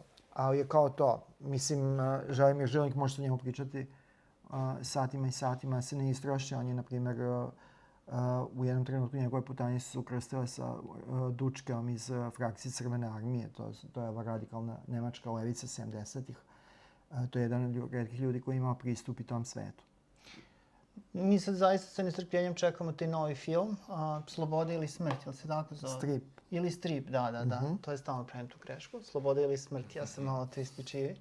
Ovaj, Sloboda ili, ili a, strip, taj film je zapravo u negde u vrijeme ranih radova započet, pa je onda zbog onih problema koje je Žilnik imao sa režimom i tako dalje, sklonjene su te, te kopije, čak se smatralo da su uništene, nestale, ali su deo materijala pronađen, nadamo se restauriran i sada je valjda ideja da se to sklopi sa nekim novim materijalom, ne znamo sve detalje, ali radi se na tome. Dobro, ali ako iko može to da uradi, on to može, pošto je on vičan da to iskombinuje, da, da I to, napravi će. I to će biti divan jedan zapravo spoj onog prv, prve, prve faze ili rane faze Žilnikove sa, ovim, sa ovom poznom 50 fazom. godina. A pritom pričamo o pola veka bavljenja filmom. Čekamo to baš i držimo fige da bude što pre i što bolje. Baš imam zanimljivu anegdotu vezanu za njega, nisam ga upoznal, upoznao sam njegov, da kažem, rad, a to je, ovaj, bio sam kod Božidara Mandića, porodica Bistrih potoka i ovaj, on je izgradio njemu poljski WC i onda smo mi tamo ovaj, kosili travu oko tog WC-a i kaže, evo, ovo je napravio Želimir Žilnik, kao da znate, ja rekao, super, dobro je, znači, majstor je Ivan Dobro, filma. Da. Jeste, otva, jeste otvarali čakre tamo, jeste. braća Mandić su bila, oni su važna stavka u tom alternativnom underground uh, novo, novo, novo, novosadskoj subkulturi 80-ih, 90-ih, tako da je normalno da su se ukrstili. A evo sad ovde imam na stolu ovaj, već viđeno od Gorana Markovića, no i kažu da je to je jedna od najboljih uloga. Mustafa Nadarević je odigrao, Da, je barem u našoj odličan, da, to je kinematografiji. odličan, to je odličan film, meni je to jedan od omiljenih uh, Markovićevih uh, filmova i mislim da bi Đorđe kao po, da Đorđe posebno prija budući da je to Marković koji se izuzmeo i ovu variolu veru najbliže prima kao žanrovskom filmu. Mislim, već viđamo, možemo posmatrati kao neku vrstu metafizičkog, psiho- horora. metafizičkog horora. A sad između Kusturice i Markovića, koga biste tu pre izabrali? Pa ne znam, mislim, ako može jedan i drugi, pošto jedan i drugi su jako preko potrebni. A toliko Kusturica, različiti. Da, da. Kusturica je ovaj, zaista veliki autor i u svetskim ovaj, okvirima i to, mislim, mi nekako ne, ne, treba stalno podsjećati da je zapravo srpski film ili film sa ovih prostora se kao prva asocijacija javlja se uvek Kusturica i Underground jeste ogroman film, jedan od najboljih filmova s kraja prošlog veka i odličan i na nova gledanja. A, S druge strane, kod Markovića imamo to i kada se gleda ponovo nacionalna, kla, nacionalna klasa, kada se gleda i ovo sve, znači to je ovaj, to, to i dalje ima smisla. Marković se meni jako sviđa, ali ima tu raznovrsnost. Znači, njegovi filmovi su jako međusobno različiti, možda ne svi, ali, ali dosta toga. Znači, išao od komedije, thriller, angažovano. Znači, vrlo, vrlo, vrlo raznovrstan. Tako da, ovaj, um, jedino što, mislim, dobro, to stoji. Ipak, ono, ono, ono najznačajnije je praktično u prošlom veku snimio. Mislim što bi se možda moglo reći za Kusturicu. Da, mislim, ja, meni je tačka kod, kod Markovića upravo već viđena. Posle toga već ja gubim interesovanje za njega. Meni Sabirni centar nije bio po volji, a Urnebesna tragedija, ovo sve ostalo. A Tito i ja? Ne, Tito i ja simpatičan film, da, to, to si zaboravio, to je kao da, to, to, to je, to, to je, ovaj, to je bio jedan onako jako simpatičan film koji je dobrim delom određen i tom, tim magnetizmom um, mladog i malog uh, Dimitrija Vojno. Vojnova. Koji... Mene dosta ovaj Jojo ili Jojo Rabbit Da, Rabbit podsjetio na, to, da. na Da, to je većini, većini onako Da, da. nekako, ali to mislim može biti naravno Ali eto, mi smo to prvi uradili. Da. A recite mi, šta mislite, koji naš film, hajde da kažem, dobro, sad smo već i rekli, Kusturica je imao najveću prođu, da kažemo, u svetu i verovatno ljudi u inostranstvu očekuju to neko naše blato, siromaštvo, nešto od nas tako, ovaj, ali koji film mislite da bi praktično imao naj, najbolju prođu u inostranstvu, naš film? Da, da bi mogao da ima ili da ima? Da bi mogao da ima, da kažem, da nije dopreo, do, znači nije imao šansu da dopre do... Ovaj, Pa mislim sad manje više svi ima šansu da dopre, mislim nisu ti filmovi Da, da, da. sakriveni. Je. Ove, ono što je meni interesantno bilo, a možda je malo iznenađujuće, kad pričamo o ovom veku, recimo Spasojevićev srpski film, Serbian film, znači tako se zove. William Friedkin rekao da mu je... Ovaj, da. Kome se ne sviđa, nek napusti. Da, da, Fritkin je jedan od Svet. fanova, da. Ovaj, recimo, taj film koji je vrlo kontroverzan i ovde izazvao i skandal i svašta je bilo raznih nekih priča o njemu i tako. I danas neki ljudi kada ga pominju, onako baš se ono kao, jeli, zapene. On je, je stvarno odjeknuo u svetu i nalazi se na brojnim nekim listama i po dobru i po zlu, da tako kažemo. Ove, ali eto, mislim, tu se negdje Spasojevićeva karijera zapravo i završila. Mislim, on nakon toga nije nastavio, da. A imao je film Odjek. Da, ali ima zanimljivi i ovaj, na primjer, zanimljivo na, a da si ovo pomenuo sad to kao a, ta, ono što mi zovemo kao ta prodaja balkanske egzotike i to. Ovaj, autobalkanizacija zanimljiva je jako časom za ognjenko, eto. Da, da. Tu se dosta ide sa Da. pozi... a, tu mogao bi neko da prepozna to I kako nije se dovoljno prelaks- dobro prošao taj film u inostranstvu, ja- iako ga je Bunč Da. ovaj, distribuirao ili već Dobro, nešto Besson bio. ga je, Da. Besson ga je uzeo pa svoj ime, Da. Bajaš je radio muziku. Znači, To je ima- vrlo smo- zanimljiv film i... Da. Imali smo srpski film, da. dosta. Jest, jest. I to je recimo moglo, ali nije, nije taj film takav uspeh doživeo kakav Da. je mogao. Možda je problem u samom filmu, poslednja trećina filma čini mi se da je vidno slabija od prve dve. To je jedan od problema, Da, ali jeste, je... ali, ali, ali ako, ako bi sad ljudi išli kao da gledaju film ili st- steli pred film, pa da, da, da se potpuno opuste i prepuste filmu, mogli bi da vide da je to za, zaista taj film u sve svoje mane kojih ima, da je zaista svedočanstvo jednog nesvakidašnjeg Tako dara. je, Da. tako To je. I film koji ne nažalost- možete pomešati sa nekim, uh, sa nekim drugim i pitanjem šta, je- šta je da, je- da je Uroš Stojanić ostao ovde i da se da njegov život nije krenuo u pravcu u kom je krenuo kasnije. Šta bi bilo da, da, da, da smo mogli da bi bili u prilici pogledamo još makar par srpskih filmova pre velikog uh, ili malo manje ve, većeg, ali kao hollywoodskog njegovog debija. To, to će od, od, od, zauvek ostati jedna misterija i nekako neka sitnija tuga u, u životima filmofila, eto, to je film koji je mogao Pa da krupnije. korespira krupnije. Da. Mislim, bilo bi me, ja sam uvek i godinama sam očekivao novi njegov film, hollywoodski, domaći, mislim, da, snimi, ali eto, prosto. Imao je vremena posle Ognjenke u smislu, jeli, ali eto, A eto, Ognjenka je pošla, to, kod Ognjenke može da se zameri, naravno što u toj drugoj polovini da tu imate auto, autobalkanizacija gde je taj hedonizam odvrnut na, na 45 obrtaja, ali kao zapravo jeste jako zanimljiv film koji je zanimljiv i u delovima u kojima je problematičan. To je, jed, to je jako važno. Uh, film koji zaista nije podilazio publici, a mogao je sa njom da ovaj, dobro komunicira. A Eto, meni je prvi put kada sam ja video za srpski film, recimo da je, da kažem, obuhvatio neke razmere koje ja nisam očekivao, to je bilo u Londonu, kad su me ljudi pitali kao, aha, srpski film. Ja rekao, šta s njim? I oni kao, pa kao srpski film, kao, pošto sam ja rekao da sam iz Da, da. I onda su oni odmah povezali, to im prva asocijacija bila. I rekao, znači, taj film je toliko odjeknuo da nije to njima Jeste, prva jeste to, da. To je i na nivou prodaje odjeknuo, da. E sad je tu problem kod naziva se dosta postavio. Da su trebali da stave taj Namerno naziv to ili... uradili. To je To je namerno stavljeno, provokacija. ali to je provokacija, ali, kao, ali ta generičnost jeste problem to. Inače, kao odlično se prodavao film uh, Zona, ovaj, Zona mrtvih, uh, ovaj pančevački zombi horor Milana Todorovića i Milana Konjevića, jer naprosto uh, ta niša uh, za koja obuhvata ljubitelja horora i gde je, na primjer, Ken Ford ikonična pojava i dalje. Oni su otvoreniji prema filmovima iz Srbije, nego žeć. veća žeć nego što su lju- ljudi kao mainstream filmovi. Teško možete zamisliti da neko zbilja u Americi poželi da gleda neki a, srpski dokazani bioskopski hit, jer šta, šta mu to znači? Mislim, imaju i oni biografski filmovi, imaju i oni akcijni filmovi, vjerojatno su i atraktivniji, ali kao, ali izgleda je u tim, u tim žanrovskim vodama već, već, veća otvorenost i veća tolerancija prema nečemu što dolazi sa egzotične adrese. Ali upravo si to kao to, jeste generični naziv, kao, jer uvek ob- objašnjavaš. Dobro, namjerno je, mislim, Aleksandra Divojević, ja mislim da je on insistirao da se to tako zove, scenarista.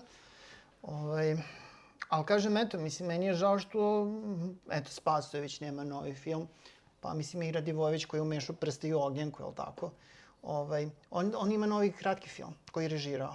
To će biti zanimljivo da se pogleda. Recite mi ovo, spominjali smo ovaj, na početku ovaj, Tomu i Južni vetar. Šta mislite o ta dva filma? Ovaj, to je negde istovremeno, tako? Ovaj, Da, pa drugi južni vetar. Drugi, da, da, drugi. prvi je još 2018. Pa mislim, mi smo, mi smo gledali, ovaj, a, oba filma smo premjerno gledali a, a, na festivalima. I a, u Nišu smo gledali a, na ovom filmskim susretima festivalu Gumačkog ostvarenja, gledali smo Tomu.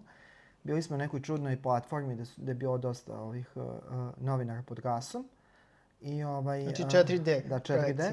I video se odmah da će taj film da profunkcioniše, a, u smislu publika je baš plakala dole ispod baš je nas. bilo a, baš je onako, bilo, da. ovaj, zdušno je bilo ovaj, prihvaćeno. Ja nisam nešto generalno oduševljen tim filmom, razumem šta je cilj, šta je pokušao, mislim da, da, da je dosta toga i ostvario, ali mislim ima tu dosta kalkulantskog ono, programiranih emocija, mestima na kojima je programirano, gde je nagažena emocija, ali mislim da je moj problem sa Tomom, ne filmom, što ja ne vidim neku posebnu dramu u toj životnoj priči. Mm. To je čovek koji je bio talentovan, mimo toga da li sad mi slušamo to ili da li, mislim, meni, ta muzika, sam, na nju sam potpuno ravnodušan, njegovu muziku, ali on je definitivno bio uh, nadaren, bio je Popularan, popularan, priznat. priznat, sve što je moglo da, da, da se iscrpe iz tog sveta. Bio je njega u nekom trenutku se um, ovaj, razboleo i umro, to je neki ja- jako jednostavna priča, ne vidim tu neku veliku osujećenost, ne pričamo sad o nekom neshvaćenom daru. Mislim, Toma Zdravković u krajnjem slučaju postoji na poje listama i dan danas i verovatno nema ni jednog slavlja, ni nekog padanja u dert, a da nije to dotako sam na života ili tako nešto. Tako da tu, tu je mene taj neki film, tu, tu, tu, je, tu sam ja negde izgubio kopču sa tim. Ali je bilo već i u Nišu Ali jasno, jasno, da će to biti jasno ogroman to hit. onako dobro skrojen film. Meni je problem sa Tomom kao i sa mnogim filmovima, o tome smo pisali u ovoj e, knjizi pojedinačno našoj, što dosta filmova, e, u dosta filmova, ako se i ove pomnije gleda, vidi se da su pravljeni od e, serije, u smislu da je vađen film iz nekog znatno šireg materijala. I to je, mislim, to kao ja stalno to ponavljam, to je ne, jedna vrsta zahteva koje ljudi postavljaju sami pred sobe ili koje drugi postavljaju pred njih, sa kojom ne bi ni Scorsese znao kako da izađe na, na, na, na kraj, da, da mu kažete u njegovim najboljim danima i naj, da mu kažete hajde sad ti od 10 epizoda napravi film. Izmontiraj ti meni Izmontiraj sad. film, da vjerojatno bi većina bila zbunjena uh, time, jer nekako uh, time se gubi ra- granica koja je jako važna da ostane između televizijskog i uh, filmskog medija. A, Južni vetar prvi je meni dosta ovaj, uh, prijatno iznenadio, a to je, možemo da napravimo tu elipsu ka tome, ono što smo pričali na početku. To je drugi film autora koji je počeo iz nečega po- potpuno desetog, ta Krojačeva tajna, to je film koga da li se i koji sećaju u smislu problematičan je po sijaset osnova. Seća I ga se Miloš Abramović. Dobro, sećaju se autori. A, ovaj, ali ovaj, generalno to je nešto potpuno drugačije i meni je to kao potpuno pilo vodu i to smo isto gledali, to smo, to smo gledali. Zdrav, ovaj, zdrav film. Prvi Zdrav deo, smo, prvi, prvi deo smo isto gledali u Nišu na premijeri, video se da će biti onako baš blockbuster u ovim srpskim i regionalnim okvirima. Drugi deo mi je već bio ovaj, diskutabilan upravo po toj osnovi po kojoj je i Toma, da, da se zapravo vidi da je čitav drugi film priprema ne za treći film, jer mi nekako ako znamo da je film trilogija, srednji film uvek mora da ostane Nešto između, nešto između. nego ovde je izgledao Imperija kao da Da, udarac. da, Imperija uzvraća i koji god da uzmemo trilogiju koja je koncipirana kao trilogija, ona je svaka pokazni primjer te A teze. ovdje su još komplikovanije Da, stvari ovde, zbog da, serije. zbog serije. Ovde je čitava, a, dobar deo filma protekao u najavama onoga što ćemo gledati u drugoj sezoni serije dosta brzo ili za godinu, godinu i po dana. I to mi je, mene je to odvojilo, mislim, meni to odmah, čim neko dira film, meni je to kao, kad, kad se problematizuje pozicija filma kao najprestižnijeg mm -hmm. uh, uh, Sadržaja. sadržaja artefakta, recimo, uh, metaforički, tu sam negde, tako da, da je to to. Onda, mislim, bilo je tu baš u tom filmu mnogo, mnogo tih, uh, tih praznih rukavaca, delova radnje koji su vodili. Koji su zapravo kasnije za sezonu serije da. sledeću imali Ali neku... u filmu, da. u filmu nije to funkcionisalo. Ali produkcijno jako lepo produkcijno urađeno. urađeni, čak i onaj deo koji je najubedljiviji u Bugarskoj, u drugom delu, on sam po sebi ni, nema mnogo smisla.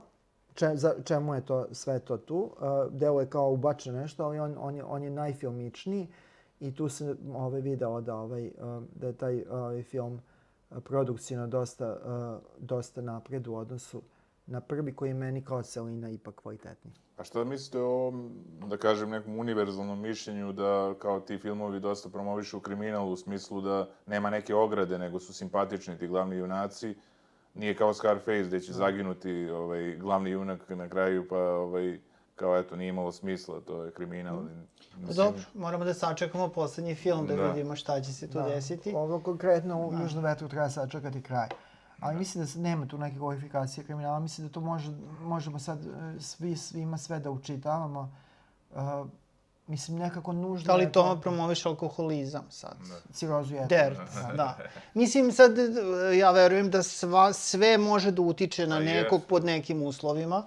Ali ko je Ovaj. Sklon, da kažemo, nečemu, taj će biti sklon bez gledanja filma ili ono... Da, ne, se- nema, mislim da, to, da, da je to malo kao da, da ipak se previše dodaje značaja filmu danas. Eto, meni je lično, mislim, meni je Južni vetar mnogo bliži senzibilitetu, gledalačkom senzibilitetu od tome. A nisam sad hteo da uzmem neku utoku i da krenem da... Da, da. Mislim, ne privlači me prosto to. Niti da kradeš da. automobile. Niti Pod da vozim dan, da. automobila, kamoli da kradem. Tako da, ovaj, Da. Uh, mislim da to pre, možda je film nekada ranije, kad smo svi bili manje cinični, kad je filma bilo manje, kad, smo mi bili, kad je film bio manje dostupan, mislim, svima, da je film imao tu vrstu značaja. Ili kao, teže da. dostupan, u smislu morali ste ići u bioskop ili čekati da se pojavi svi, na... možda svi da, mogli, sebi da priušte, ovaj, priušte uh, ulaznicu za bioskop. Ali da, da, da, da sada, da je to, mislim, meni, meni to malo vuče i na, na, na lenje zaključke kada se traži objašnjenje za nešto, pa kao ajde, kao to je pod uticajem toga. Pa mislim da Mislim, definitivno tako. kad pričamo o srpskom društvu, da Južni vetar ne da nije najveći problem, nego je 1050 na listi problema. mislim da, da, da je to malo kao da se, da, da se, na, da, da se racionalizuje nešto što je možda teško racionalizovati, kao taj porast nasilja u društvu. Biće da nije zbog nasilja koje dolazi iz južnog vetra ili tih serija i to, biće da je to nešto što je nama, mislim, usađeno i što je, što neke važnije okolnosti društvene određuju, a manje, manje sam film. U krajem slučaju mi možemo pozvati se pa reći da je Južni vetar 2 uh, imao pad gledanosti u odnosu na, na prvi film, na- da li onda izvačemo zaključak da, da je publika među vremenu manje, ovaj, manje se pecala na nasilje. Dobro, prvo mi je bio Glogovac, maestro, mislim, Da. stvarno... To mi je ali jedna od okej. boljih uloga. Ok, znači mislim da, da, da, da, da je to mnogo šire pitanje nego što da, da se razreši jednostavno da ukažemo prstom. Evo, mislim, ja nisam neki posebno ljubitelj uh, horora koji, su, koji imaju grafičko nasilje, ali kao nekritičkim gledanjem kada sam bio dete, kada sam gledao sve što je igra u bioskopu, gledao sam Teksaški masakr, ovaj, uh, On je a, o- izvorni. ovaj, izvorni a, motornom testerom koji je dovoljan naslov da se uplašite, a da ne idete sa 7 godina ili koliko već da ga gledate. Jesi nekad nekako- nekog Da, istesterisao? ali nekako nisam imao nikakav poriv uh, poriv za time, a nije da sam ja naj, uh, najjača, mislim, najjača ličnost na svetu ikada. Mislim, ni, niti sam tražio u rečici pored svog stana Ajkulu i Spielbergove Ajkule. Mislim da to nekako ne ide, ovaj, ne ide baš tako, baš kao što me, ne znam, ni, ni filmovi uh, tog tipa, to Poslednja oaza ili Svet koji nestaje Lalovićevi nisu poterali da, da tražim ježeve i da ih posmatram, nego naprosto uživam. Ali ti filmovi jesu simptom neki, znači nisu se oni tek tako pojavili. Znači to, to stoji. Inače, pošto mi, mislim, pišemo i ovu aktuelnu kritiku, nije samo da nam knjiga izađe na pet godina, nego ove pišemo aktuelno, ovu dnevnu, nedeljnu kritiku filmova. bilo je tu raznih nekih reakcija, a konkretno kada je pisana kritika, ja sam napisao kritiku za Tomu, tada sam pisao još uvek za City magazin, ovaj, um, I ništa, kritika izašla, nije bila naj, najpovoljnija. Mislim da još uvek, je, ne, ne znam da su sklonili naše tekstove, ovaj, ne znam da li još uvek na netu. Ako ne, zapravo ta kritika je ali remiksovana, promenjena, dopunjena, sređena, se nalazi u ovoj knjizi koja je ovde pred vama. A, dešavalo nam se da odemo na, na setove ili sretnemo nekog i tako dalje, o čijem smo filmu pričali, pa da bude i neka neprijatnost. Mislim, veća ili manja, češće manja, ali bilo je nekih... Samo, samo da objasnimo, pošto mi radimo uh, sadržaj za uh, portal Filmskog centra Srbije, znači pišemo te vesti, te saopštenje i sve to što treba, onda smo nekako kao u toj nekoj dvojakoj poziciji. S jedne strane pišemo kritiku, a s druge strane pišemo o tim filmovima koje ću kasnije kritikovati. Tako da No, je onda malo- dolazi do toga što je Đorđe počeo priča. I? Pa ništa, ja bio sam na snimanju Čuvara formula ili već ne znam na kraju kako će se taj film zvati. Pa čuvari formule, Čuvari formule. lančana reakcija Da. bio prethodni naziv. Ovo je bilo Ogrlićev novi sledeći, sledeći projekat, mada se zaboravlja stalno da je zapravo Tom on ko, reži, ko režirao je Lisinac, je li tako? Da. Zoran. Zoran Lisinac, tvoj imenjak. A, ja sam sad išao na, na snimanje sa tadašnjim direktorom Filmskog centra Srbije, ovaj, Gordanom Matićem. Došli smo na set i tako, tu su bili glumci, radilo se. Mislim, eto, ko ne zna, snimanje filma je najdosadnija stvar na svetu ako niste uključeni, ako niste, jeli, da. Ovo, Pa to je sve sporo. Se, čak da. i ako nešto Ponavlja radite. se da. sto puta jedna scena. Milion puta, Čak i sve ako se sporo, to da. u, u, o, tamo ovaj kostimografski deo ili i to je isto, isto dosadno vratno njima. Pa mislim, onako prilično je to, nije uzbudljivo, ajde da kažem tako. Ali dobro, ja sam sad naravno bio u prilici onda ovaj, da sa Bjelogrlićem po, popričam, uzmem neku izjavu i tamo sam sad očekivao, znači, pretpostavio sam da je pročitao uh, kritiku, pošto sam čuo iz nekih izvora da on zna ko sam ja. Ja sam svoje vremeno ovaj, napisao jako pozitivnu kritiku za prvu epizodu, prve dve epizode Senki na Balkanom i njemu se to jako dopalo i tako dalje. I onda je upamtio moje ime, mo, Baj Bajić sam, ima nas Bajića ovaj, Da, da. u filmskom svetu, možda je lakše i, ovaj, i, i upamtiti. I sad sam očekivao da vidim šta će... I on je rekao, pročitao sam kritiku u redu. Znači, onako, baš je bio, da kažem, baš gospodin u tom smislu da ovaj, nije meni nešto sad tu, pa mi smo se trudili, pa ovo, pa ono, pa kako, pa zašto, pa... Da, često se Da. desi da to, da krenu da objašnjavaju ljudi kako se trudili i kako njihov trud nije vredno time što neko napiše, ukaže da nešto ne valja. A u krajnjem slučaju, mislim, kad, kada objavite kritiku u bilo kom mediju i vaš, vaša kritika je podložna, isto tako mogu ja reći da tog dana me bolela glava i, i malo mi se upalili nervi na ruci, pa sam kucao najbolje što mogu, ali koga to interesuje? Mislim, treba tu nekako biti dosta strog onog trenutka kada nešto postane dostupno javnosti, bez obzira da li je roman, knjiga, bilo šta muzičko, kompozicija, muzičko delo, slika, e, gubi se svaka, svaki rezon objašnjavanja konteksta nastajanja i te, težine okolnosti. Mislim, ne mora se, da ne bude više nijednog filma na svetu, uh, svet bi postojao. Znači, da, da ne objavi niko više nijednu kritiku, ničega, posle Oppenheimera i Barbie uh, postojali bi ljudi, išli bi ujutru, bolela bi glava, zub, umije, odla- odlazili bi teško koraka na posao i gledali da priguraju dan. Tako da, ovaj, Uh, to nikoga zapravo ne treba da interesuje. Mislim da bi bilo dobro ono što smo pričali o tome kada, da se filmska kao pismenost uvede u škole. Mislim da bi na tim uh, fakultetima gde se uh, ljudi pripremaju za posao tako stresan i da zapravo ljude, mlade ljude se teruju u... Na- oni se nekako, hteli ne hteli, nađu na putu ka nekom narcizmu, da bi trebalo uvesti ovaj, kao predmet psihologije neuspeha. Znači da, da se ljudi pripreme za eventualne neuspehe u delatnostima gde je neuspeh vidljiviji. Da kaže, ok, bit će dobrih, bit će loših, ne, neko nešto nije u redu ide dalje. Znači da to bi nekako bilo nešto što kao ti fakulteti tog umetničkog i tog, tog tipa, oni preuzimaju ljude koji nisu formirane ličnosti sa 18-19 godina i, traže njih da se postave prema svetu i da nam nešto kažu o svetu koji mi vidimo uh, kao civili.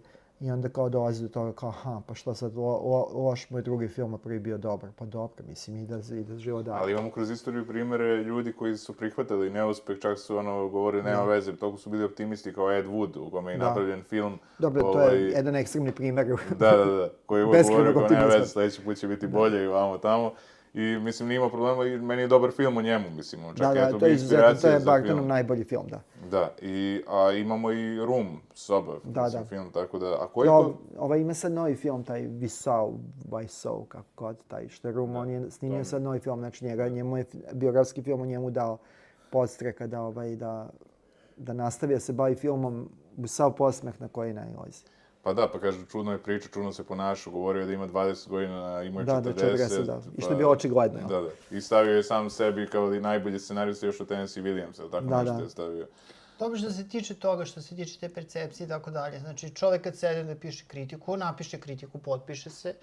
Ovaj, često na društvenim mrežama se ljudi ne potpisuju, samo izba, onda bude i vređanje sve. Znači, ono što mi pišemo, to je negde argumentovano, ali treba svako da ima u vidu da zapravo film jeste taj neki, da li će kliknuti ili neće, zavisi dobrim delom od spoja gledaoca i tog filma. Ne odgovara sve svakom. Mi se trudimo stvarno da imamo jednu širinu, znači da se ne specijalizujemo, pa kažemo mi samo volimo ovakve filmove ili samo onakve. To ne možemo kao filmski Onda bi, kritičari da, onda bi knjiga bila dosta. Tanja. Da, Tanja, slikovnica. Ovaj, želimo praktično da napišemo šta mi mislimo o tom filmu i nekako da ga živopišemo u tom smislu da čak i ako je kritika negativno intonirana, da vi iz kritike možete da procenite zapravo da li je to film za vas ili ne. Da li je to nešto što vas zanima ili vas ne zanima. I to je otprilike to. A mi ćemo izneti ta neka naša zapažanja, pa sad ne morate se sa, nja, sa nama saglasiti, to je sasvim u redu, čak i poželjno negde. Da. Ali već kad se priča o filmu, da se priča ili o umetnosti, jel? da se priča na jedan civilizovan način, da imamo taj jedan, tak što bi se reklo, akademski nivo. Da, ja sam imao na ovom, na promociji našeg prvog kritičkog vodiča u Banja Luci naj, najgenijalnije pitanje, verovatno je bilo promociji bilo čega, nakon dugog, dugog, du, poduže promocije, razgovora sa dosta prisutnih, jedna starija dama je pitala šta vam je to uopšte treba. I kao to je pitanje koje možemo mi sebi da postavljamo na svim nivoima svakodnevnog života, a kao zapravo ono što je suština toga što možda oni o čijim filmovima je reč tu ne, teže im da shvate, e, knjiga ovog opsega obima i ova i prethodna koja je obuhvatala dakle 18 godina ne može da nastane iz nekog teškog cinizma. Znači, da, da, da, da je cinizam osnovno pogonsko gorivo. Ili ne daj Bože novac. Da, ideja da se, da se, neko, da, da se nekome narugamo, pa sad pišemo knjigu da bi unutar a, pregleda od 85 filmova koliko je ovdje, ili 227 koliko je bilo u prvom, 225 koliko je bilo u kredit, prvom kritičkom vodiču, da bi se mi To je sad već 300 filmova. Da, to je, da, da bi mi negde poturili našu sprdnju na, na račun nekoga u, u silini tih uh, sad hiljadu stranica. To, to se ne radi. Znači, ovo može da se radi imajući vidu i poziciju uh, uh, ove uh, filmske kritike i način na koji je navredovan u smislu uh, plaćanja. Ne može da se radi I bez... neplaćanja. Neplaćanja ne može da se radi bez ljubavi. Znači, e sad koliko, kako svako od nas pojedinačno može da artikuliše ljubav prema nečemu čime se dodatno bavi, to je drugo pitanje, ali kao nekako uh, iz zle namere ne može da nastane da nastane nešto, uh, nešto ovako i pritom nije zaista svi tekstovi ovde i svi tekstovi inače uh, uh, koji nose naše potpise nemaju tu fanzinsku ostrašćenost. Uh, nije ovo vreme početka 2000-ih kada se na raznim forumima moglo pod izgovorom anonimnosti pisati naj, na, najgore stvari i uh, obrtati teze i uh, ovaj, postavljati teze tamo da, da nema realne osnove. Znači ovo je zaista rad, uh, jedan ozbiljan, predan rad, rad ljubavi. Sad da li smo mi u percepciji nekog filma omašili, to je veoma moguće, ali imajte u vidu da mi smo kao društvo jedno malo društvo, jedna manja zemlja i a, negde na nivou puki teorije je moguće da se pojavi sjajna muzika odavde, sjajan film odavde, izvanredna književnost, a da to ne bude primećeno. Znači, bit će primećeno u manjem krugu ljudi, a, ali to će opet biti ljudi koji su upućeni. Znači, neka vrsta zadovoljštine uvek stigne jer nemoguće je sakriti nešto što je kvalitetno. A film po najmanje, uh, film je naj, naj, najteže sakriti ako valja, u smislu najmanje su šanse bude sakriven, jer nekako je najdostupniji, najpristupačniji, ljudi nekako najotvoreniji su prema konzumaciji filma, muzika im se dopadne na, na prva tri tona ili ne, ili žanr ih odbio u startu, ali film je nekako zaokupi pažnju, čak i ako gleda film pa neko prevrće sa kanala na kanal ili uh, gleda, bira iz nekog širokog izbora šta će gledati. Tako da, da, da ovaj, svakome kome, ovaj, kome je problem da se nosi sa kritikom, mislim možda je ključno pitanje da li, ovaj, da li treba se baviti tim poslom koji je izložen kritici. Možda je na- naprosto, naprosto neka autoviktimizacija da se ljudi bave javnim poslom, nespremni na reakcije, a uporno idu pred ljude. Znači možda bi bilo najbolje da ostanu dobro čuvane, e, dobro čuvane U tajne. ostalom, sa druge strane, i mi smo postali praktično Da. ovaj, neko ko može biti kritikovan. Znači, imamo ove knjige, i ovo nije prva, ovaj, u suštini svako može da ih pročita, da promisli, da napiše, da argumentuje. Da... Mada do sada te Ma neke da. kritike koje su izlazile, su izlazile su sve bile jako, jako pozitivne. Jel mislim Dobro, da zato što su ih pisali ljudi koji prepoznaju, ljudi koji su upućeni u to koliko je, koliko je teško i nezgodno baviti se ovima. Ali moramo da pomenemo, čisto kontekst radi, e, mi smo negde u taj kritičarski ozbiljnije svet krenuli sa portalom Popbox, koji je kao jeste bio najznačajniji portal za popularnu kulturu i njegovo nasleđe je To je početak Uh, 2000. Da, početak 2000-ih njegovo nasleđe je samerljivo u, u smislu uticaja uh, šta je tamo sve bilo pokrenuo. S druge strane, po boksi je imao užasno, ovaj, uh, užasno ostrašćenu uh, publiku da su, uh, da su, ovaj, da su ovi komentari koji su često bili potencirani u smislu da neko otvara da gleda samo komentare, a ne i sam tekst, uh, su bili puni mržnje, jer je to su one rane 2000 kada se ljudi još nisu Ajde da ovaj, kažemo jarost. jarosti kad se ljudi još nisu artikulisali u tom. I to je bilo... To Imate to, možete, mislim, postoje ti tekstovi još uvek Da, na arhiva je sačuvana. Sve tako da, komentarima. Tako da tu ima zaista ovaj, uh, komentara koji su kao uh, traženje ne dlake u jajetu, nego ono kao vrha dlake u jajetu ili izmišljanje u, po, po, pozicije uvređenosti. Ja sam pisao i izveštaje sa koncerta gde su ljudi kao tipa pisali, aha, koji je ovaj idiot kao četvrta pesma nije bila ta ona izvedena šesta.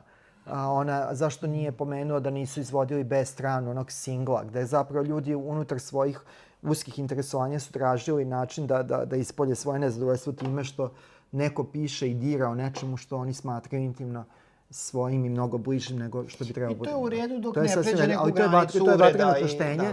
Ja sam Ali veliki baš fan smo toga. ispekli da. smo tu dosta Da. ove školu, da. Da. I onda su došli kasnije Yellow Cab i City Magazine, pisali smo i za NIN, sada trenutno pišemo za Vreme. Tako da... Dobro, posahranjivali smo dosta medija. Da.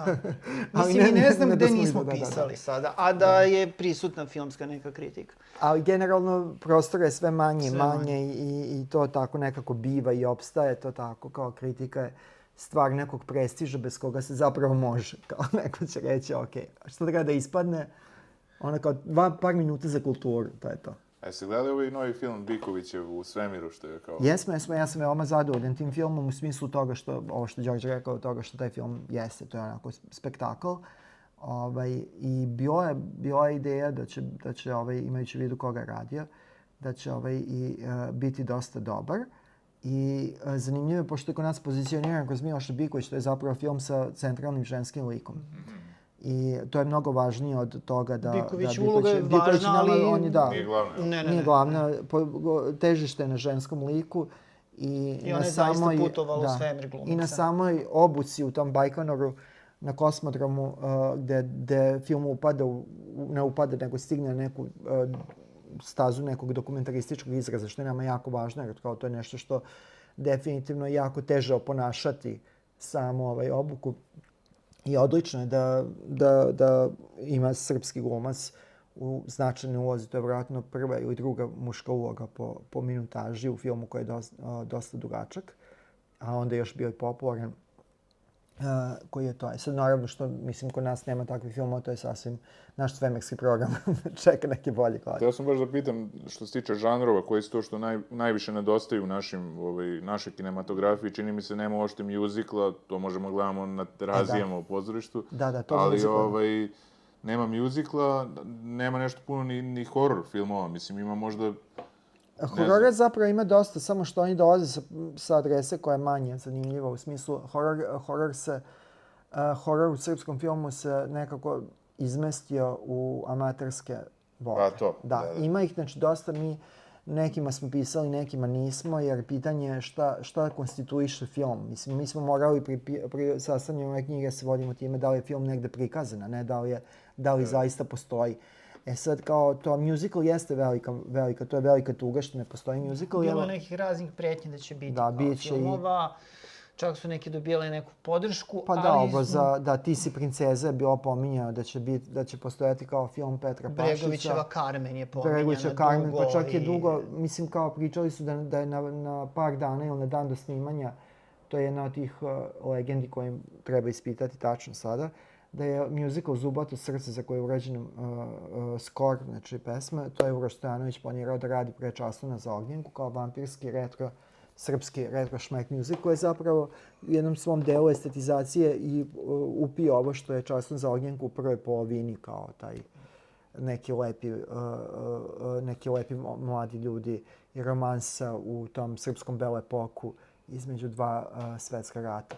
Eto, musical, da, definitivno ne. Uh, bilo je pomena da ovo što Andrej Milošević bi trebao da, da, da režira. Plavi safir. Plavi safir da bi to moglo biti musical. Ako ne znam bude se- ako bude toga tog išta. filma, da, ako, mislim sad nije to, ali kao musical da.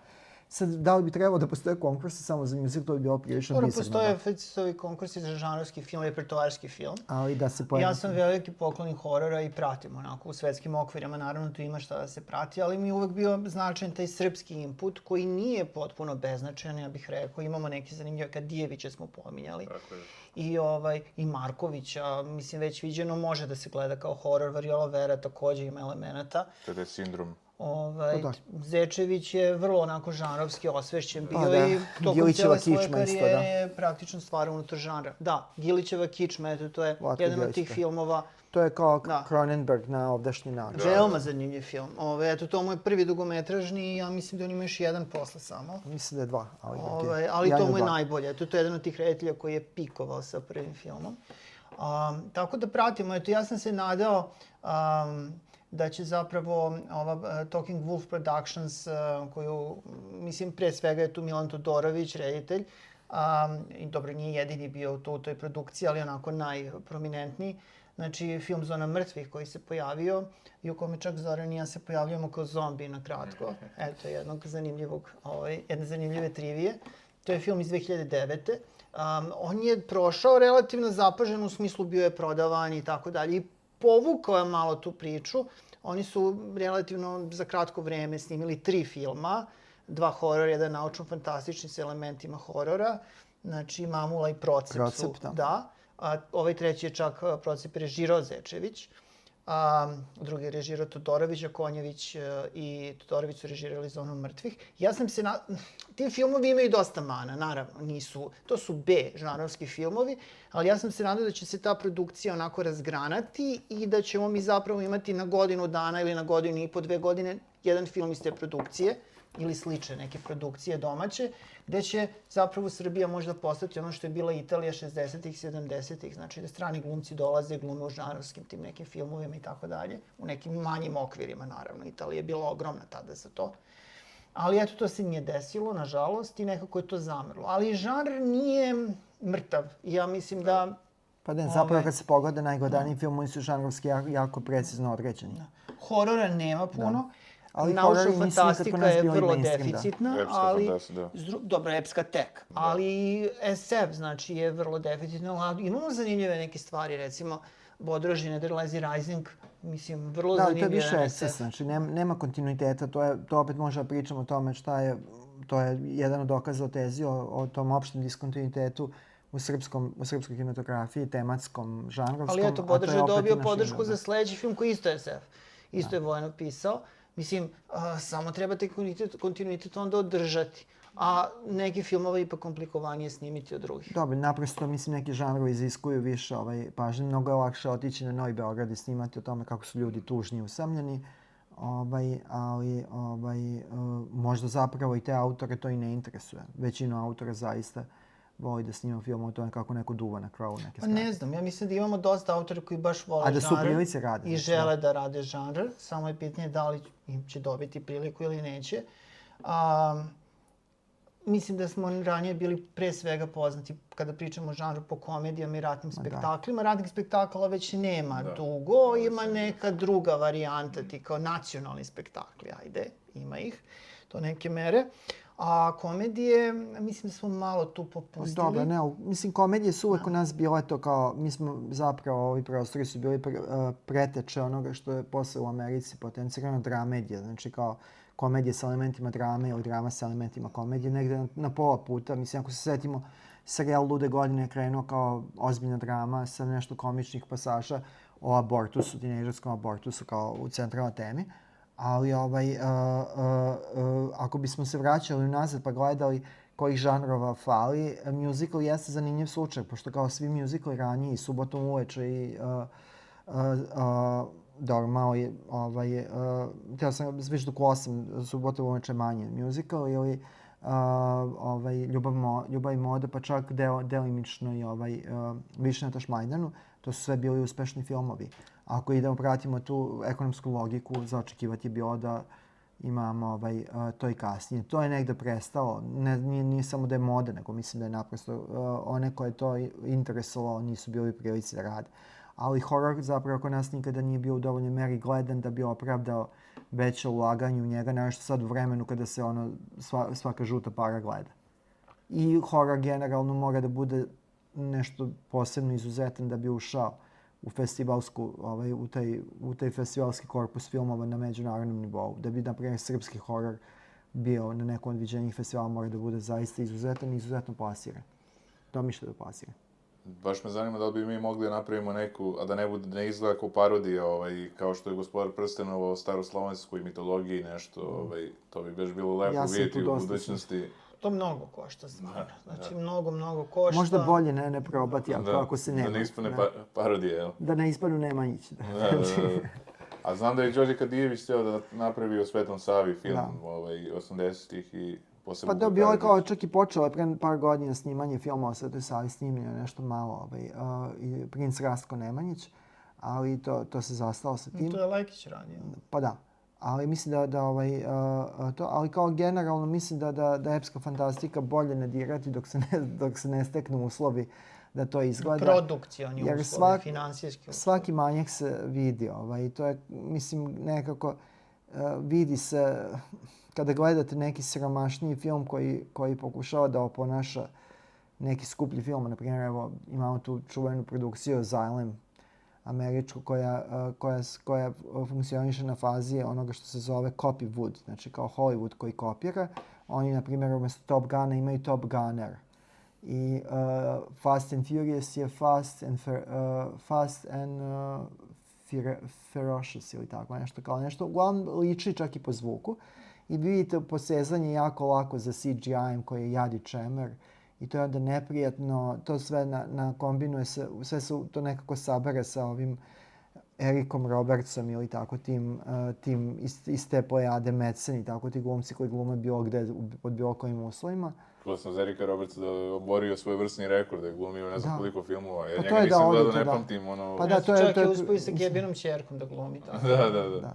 Pa i ovdje je kod nas glumio. Da, i ovdje kod nas, nego mislim, oni zaista ima ta jedna, ta jedna pojada glumaca koji ne kritički glume do te tačke da prepostavljam da oni tolikim radom sami sebi obaraju cenu.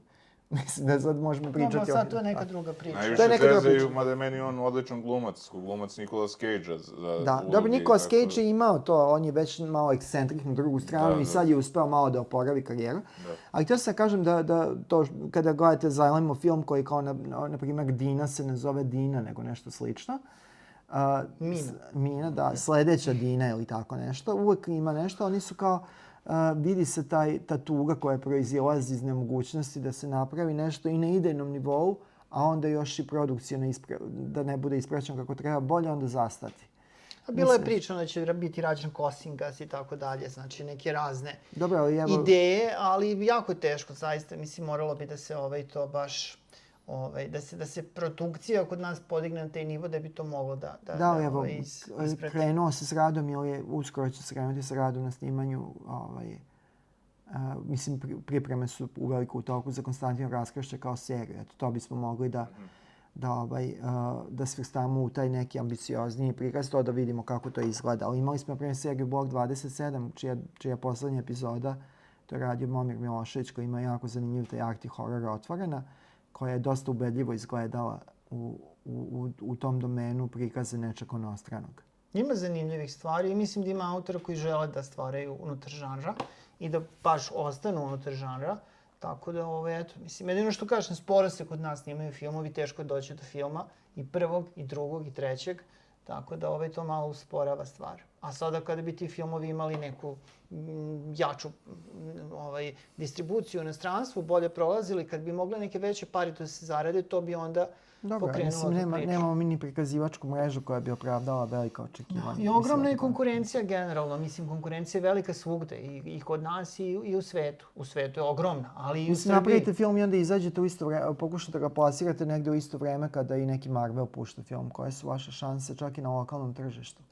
Postoji ono što se zove kao piggyback ride, to je kada jedan uspešan, jedan, uspešan film ide, onda neko pusti namerno taj neki drugi film da bi taj drugi povukao gledanost. U smislu ljudi otišli, bilo im prijetno u bioskopu, ajmo još nešto da gledamo. Ili Ali to- nisu našli karte Da, za taj ili nisu su kupili za da. prvi pod udruge, ali to ne funkcioniše baš u stvarnom svetu tako da bi, da bi neko mogao da, da, ovaj, da to... Ali dobra je stvar što naša publika zaista voli srpski film i najčešće je najgledaniji film kada gledamo na godišnjem Da, nivou da, u da. Srbiji Pa kada su bili Toma, ono pre dve godine, kada su, bili, kada su bili Da. Toma i Južni vetar 2, uh, Srbija je bila posle Francuske, uh, znači drugoplasirana po, uh, u Evropi, u evropskim okvirima na zvaničnim listama po ovaj, uh, prisustvu domaćeg proizvoda. I prisustvo i gledanost. I gledanosti, pošto, mislim, gledanosti, na primjer, u Britaniji, britanski filmovi često su koprodukcije sa Amerikom, pa teško je razmrsiti šta je šta, ali i tamo je američki film dominantan u odnosu na autohtono britanski. Kod nas, kada ima nekog filma koji može da privuče pažnju, on je svakako gledaniji vrsta, a mislim, to je inače kao nasleđe 90. kada su srpski filmovi imali 100.000 gledalaca u startu, kao ili ono, odlično počnu i ostanu i onda još kao vrte se godinama i godinama i godinama. Naprimjer, ono, meni izbunjujući fenomen filma uh, uh, Lajanje zvezde koji mi iza, izašao na, ovaj, pošto de, deca znaju to kao u školama pa stalno kao što nije kao u školi kao Lajanje zvezde. Idite u Gagovačku gimnaziju, igrajte sa Lajanje zvezde, ostavite nas mučanike da radimo svoj posao. A recite mi, koji su vam filmovi, da kažem, spominjali smo sobu, ti koji su kao na neki način trash, loši, a da, na, na dobar način ipak, ono, kao da... Pa ima ih dosta, ovaj. Da, Dr. Manhattan. Da, ima ih dosta, ima, da, da, ne znam sad da li pričamo, ako, jel ima neko što je baš loše. Ja imam, imam, imam to je ono kao guilty pleasure, ta grešno zadovoljstvo. Ja imam dosta tih guilty pleasure-a ili pleasure-ova iz uh, domena srpskog, ovaj, srpskog filma. Ovaj, Naprimjer, mi smo išli ponovo da gledamo Špijuna Štiklama, Mila, pozni film Milana Jelića. Milan Jelić je autor izuzetnog bubašintara i ovaj, uh, on ima kao ozbiljnu, ovaj, ozbiljnu karijeru. On je imao i uspešne filmove, ali Špijuna Štiklama je baš to. Znači, La- evidentno Lane- trash, uh, Da, da. porazno je, da, Lane, Gu, Lane Gutović, to da. je kao srpski uh, Neki to vole vruće sa uplivom prika, lažno, prikaza lažne diskografske scene kod nas, da se kao zapravo vlasnici, direktori diskografskih kuća bore za nešto. Eto, to mi je uh, vo, prvi sekula takođe. Dobro, mislim, ima tih filmova, tih, tih serijala, Rođeni komedija. si jutra, da. da. Rođeni koji si jutra su- kao Ali to su uglavnom 80 i 90. I 90, da, da. Ovaj, to su onako filmovi koji su često upitni po kvalitetu, ali imaju nešto to onako kao... Ćao inspektore serijal je recimo. mi smo evo Guilty gledali, pleasure, da. definitivno. Mislim, uglavnom pleasure. Sad smo ga rep, reprizirali smo dva oba, Ćao, inspektora naslova, to je zaista. Debeli mršavi, Debeli mršavi, da, to je jedan da. srećno zaboravljeni film. Tu, to što u tom filmu se vidi, ja mislim da, da u, u, u trešu na planetarnom nivou nema. Znači, žena koja, koja jede ogromnu šunku na koski, koja se nalazi između nogu lekara. I to Lane Gutović. Lane Gutović. Lane ponovo. Gutović ponovo udara. Da. To je to kao nepojmljivo. Eto, to su kao to bi bili. E, nekako srpski film se uozbiljio ovih 20 godina, pa nema tih nekak, ne, ne, baš nekih drastičnih ispada, nije ni bilo u poslednjih. Više se nekako, su naprosto samo loši. Ali to što si pitao da... Možda ono bude braća po babine. Linija, ali nije, nema, nema to. Mora da bude nešto žovijalnije. Da. mi se da Špa, Španija ima to, te neke momente ovaj, u svojoj kinematografiji, ali mislim njihovi filmovi kad su bizarni su baš dobri, ono, mislim. Da, oni idu ono- tvrdo, oni idu da, tvrdo, da, da. Dobro, ali to je velika kinematografija. Veliki Jest. uzorak. Da. Divni su španci, da. A Ali eto, to. koje su vama najpribližnije, da kažem, te evropske kinematografije, koje vam je onako najviše volite? Pa dobro, mislim, što se tiče te neke saradnje, opet taj region i ta, znači, ta ex-ju teritorija, šta god to značilo, mislim, znamo otprilike šta znači. Tu su negde te saradnje i negde naj, da kažem, očekivanije to, je li? Ovaj, Dobro, što voliš da, gledaš? A što volim da gledam, pa novi hrvatski film sad u poslednje vreme ima nekoliko... U poslednjih godinu dana. Poslednjih godinu, godinu i po dve dana, dobro, u redu. Znači ima nekih zanimljivih tu naslova, definitivno. Ovaj, uspeli su malo tu neku bizarnost, ali na dobar način da prepoznaju Hrvati. Imaju neke te manje filmove koji su dosta atmosferični i zanimljivi. Recimo, meni se ovaj Stric prilično dopao, koji je bio ovaj, pre izvesnog vremena i u distribuciji. Goran Bogdan i Da. Mihlana. Jeste, da, da, to, je, jeste, da. to je formalno hrvatsko-srpski film. Koprodukcija, da, ali je većinski hrvatska. E, ima zanimljivih nekih e, naslova s vremena na vreme, a, a ja volim, e, kada pričamo o aktuelnom sada, o aktuelnoj produkciji, francuski filmovi, španski filmovi su meni, znači, ono, kao, kako zapravo dobar a, film treba da izgleda u, u evropskim okvirima. I to su velike kinematografije sa ogromnim brojem naslova. Da pitanje je šta, to šta je ono što ne gledamo. Možda je to što ne Ovaj, gledamo tako je. jako loše. Jel mi, na primjer, evo Zoran i ja pogledamo sve srpske dugometražne igrane filmove koji se pojave, ali njih bude 20-25 godišnje, nije sad to neki neograničen broj, jel? Ovaj, da se pogledati, a u Francuskoj, u Španiji to je mnogo veća cifra i naravno do nas ne dođe sve, ali ono što pogledamo ima dosta toga što može da se voli. A, ja sam volao ranije jako italijansku kinematografiju, 60. 70. pa do 90. su se držali i što se žanra tiče i ali i dan danas ima zanimljivih filmova i tih što se kaže za festivale, a i tih koji su kao namenjeni nekim ovaj, nekom širem, ajde po znacima navode, širem auditorijumu. A, mislim, skandinavci umeju da dosta iznenade. Pa dobro, i to su Da. isto uređene velike kinematografije. Ja sam Ovaj, za Mađare. A Mađari su posebno Mađari su zanimljivi, posebno, da. posebno zanimljivi i ko, kod Mađara se, ovaj, uh, na, na, na primjeru i ove savremenije mađarskog filma se video značaj sistema kada se Andrew G. Vajna, svi koji su gledali Karolko filmove, uh, Niske strasti, Terminator 2 i ove ostale, znamo kada piše Mario Kasar i Andrew G. Vajna producent. Andrew G. Vajna se vratio u rodnu Mađarsku nakon što su neke druge stvari propale, preuzeo tamošnji filmski centar, jako strogo to vodio, posjećivao snimanje da vidi da li se zaista snima ono što je, zašto je odobren filmovi. Budžeti koji su uh, pomoć države bila skoncentrisana na manje filmova, ali na veći, veći iznosi. I onda je taj mađarski film zapravo u tom njegovom, pod njegovom ovaj, paskom nekako živnuo, a istovremeno zboka su se pojavljivali neki ljudi koji se hoće bave i nekim filmovima kao Nimrod, Ant- Antal Nimrod, ili Nimrod Antal uh, po mađarski koji je otišao u Hollywood, nije se tamo najbolje snašao, ali okej, znači napravio film matična mađarska kontrola koji mu je bio uh, dovoljno, dovoljno važan, uh, dovoljno uspešan rad da pokaže, kaže evo ja, ovo ja zapravo radim neku nema, jako uspešnu i zanimljivu uh, varijaciju na Fight Club. Što je Ali eto, kao Mađari su uspeli da dobace do jednog Šaulovog sina, na primjer. Da, ali Znači, ovaj mađarski, mađarski film je specifičan po tome što unutar Evrope oni su opet izolovano ostrvo, jako slabo učestvuju u evropskim koprodukcijama u smislu da kod njih je jako teško dobiti pomoć za nemađarski film, pa čak i mađarski autori koji stižu uh, iz ovih zemalja okolo Mađarske, Slovačke, Srbije ili Rumunije teško dobijaju pomoć u Mađarskoj. Uh, Mađarski film i dalje okrenut sebi, ali onda mađarski autori kada se etabliraju kao autor Šaulovog sina ili ovaj, u Diko Enjin i slično kada se vratila režija posle 20 kusur godina, oni prave filmove koji su zapravo možda manjinski mađarski po uplivu financija, ali po temama i po, uh, uh, po onome o čemu govore su nepobitno mađarski. Eto, to je zanimljivo. Ja nisam ljubitelj uh, ovog, uh, ovog rumunskog filma, budući je rumunski film dosta brzo Ali upao. voliš jednu rumunsko, srpsko-rumunsko Da, reditelj. Da, da. Srpsko-rumunska Ivana Mladenović, znači srpsko uh, mlada rediteljka koja će biti sve značajnija ovaj, i koja je u prilici neka pogleda makar njen poslednji film Ivana Grozna koji je kao zapravo ekvivalent onome što se u, savreme prozove autofikcija kada neko ovaj, pravi a, a, fikciju na vlastiti račun. Tako da eto, u, htio sam kažem da u rumunskom filmu savremeno je brzo prepoznao se manir, to isto može da važi i za ovaj a, a, novi grčki film koji je nekako gledao da upliva u to, a, u one odrednicu onu a, koja se zove a, Uvrnuti grčki film, pa je nekako manji, svi filmovi su a, počeli da liče jedan na drugi, ali bio nešto Imamo i valije da. Jorgosa Da, Jorgos, se da, on je, on, probio on je skočio, da, i evo ovaj autor ovaj, uh, ovog filma Jabuke, on se da radi film sa Carey Mulligan i ponovo me, uh, produc, jedna od producentkinja uh, Kate Blanchett. Blanchett, tako da eto on je uspeo da ovaj, i onda is, izađe iz toga. A što se tiče Mađarske, gledao sam skoro ovaj što je bio, da li do, dobio Oscar, nije bi dobio Oscar, bio nominovan za Oscar, Da. Hotelu, Hotelu A da, to je. Udiko Enjen. Udiko Da. Eden, en, en, en, en je mnogo zanimljiva autorka, pošto ona kao tipa 20-30 godina nije ništa radila. Znači, u smislu, bavila se pedagoškim radom, radila na televiziji i onda je napravila film o telu duši koji je zaista besprekoran rad na, na nivou toga, jedne drame, identitetske, tako to i melodrame, to je iz, izuzetan film. Kao. I ovaj, njen naredni film je već bio ovo, po, ovo sa uh, Leom Seydoux, koji je kao mađarski film koji većinski uh, je zapravo francusko, britansko, nemačko, bla, bla, bla, na engleskom jeziku.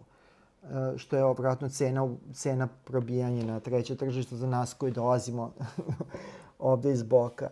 I tako da je to to. Bio bi zanimljivo vidjeti, primjer, maltežanski film. Mal, mal, mal, uh, na Malti su prošle godine, preprošle godine snimali prvi film od kada postoje država, da.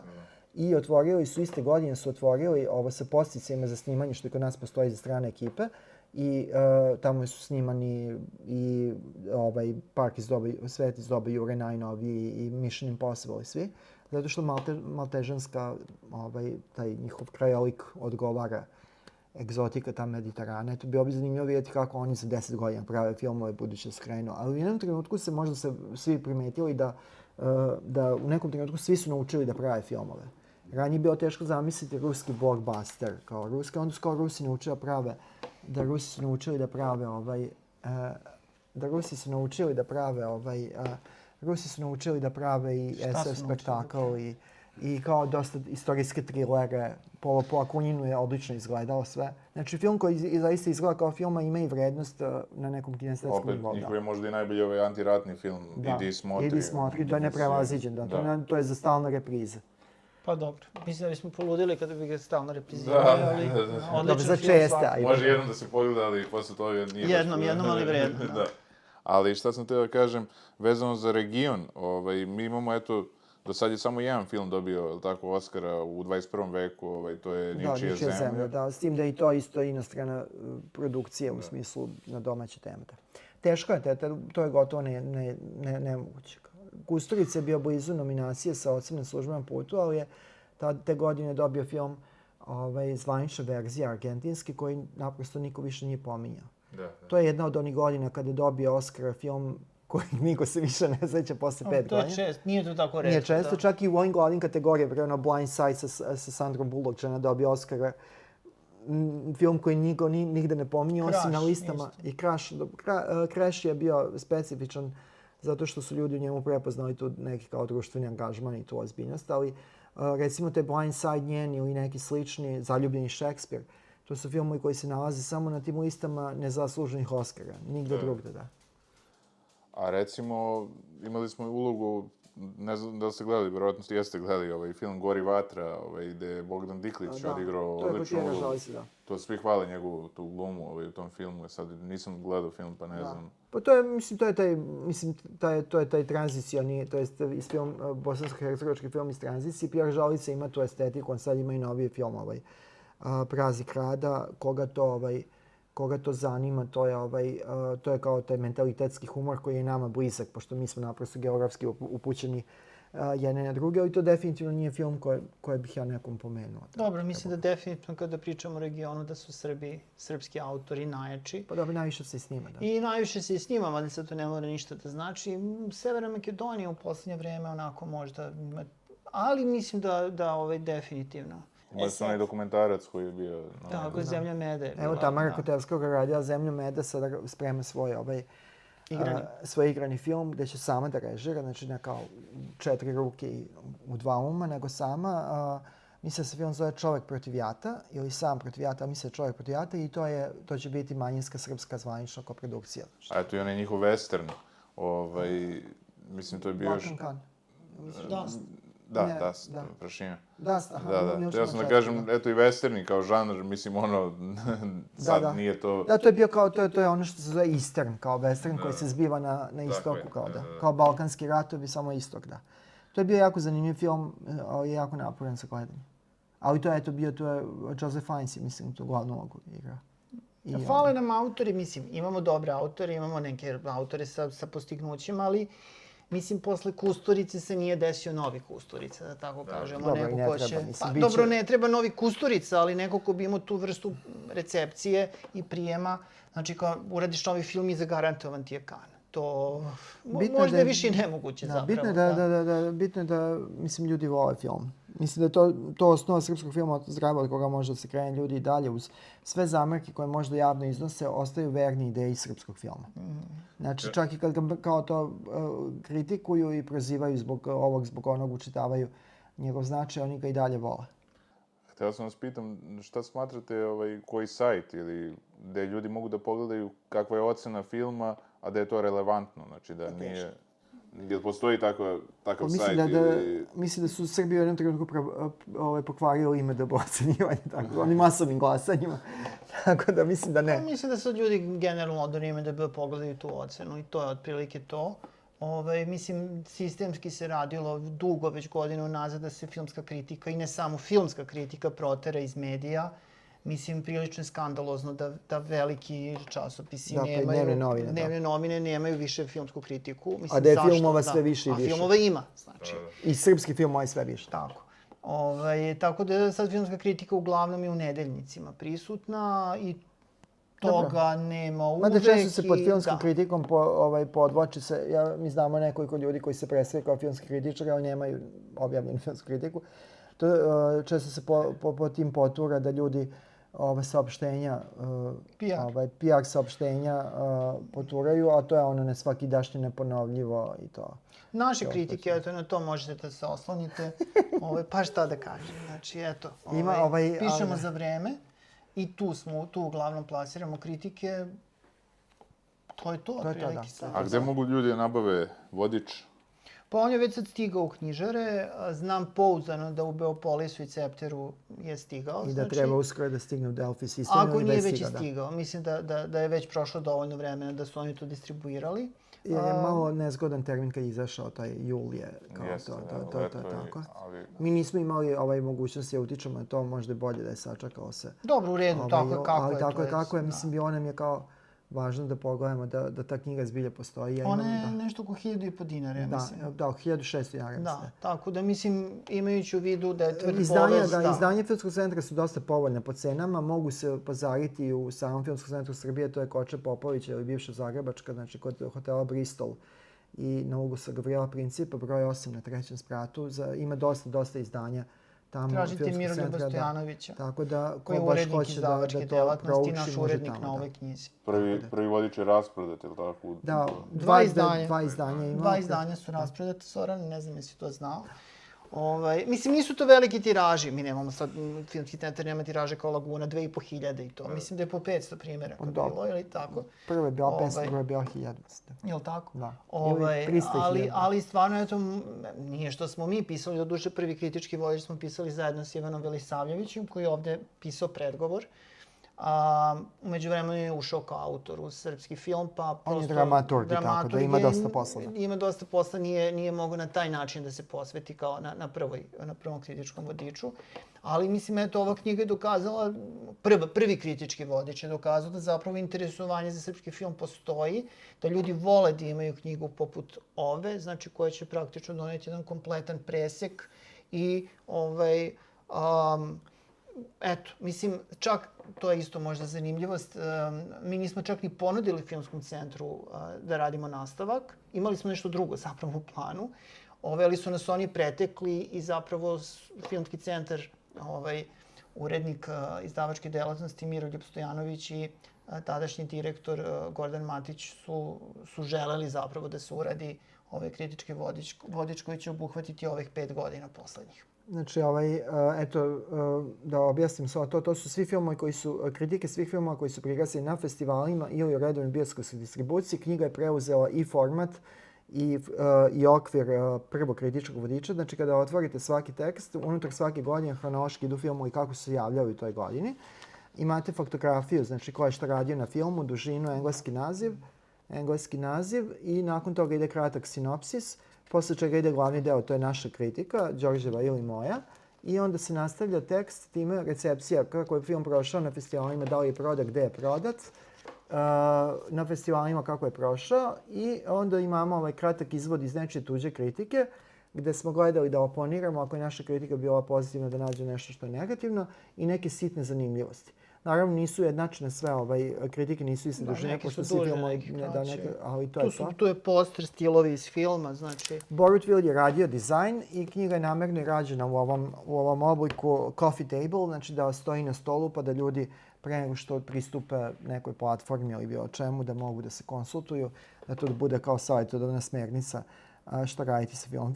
Ovo što se ti pitao, knjiga, mislim prva knjiga je odlično prošla, mislim da će i druga.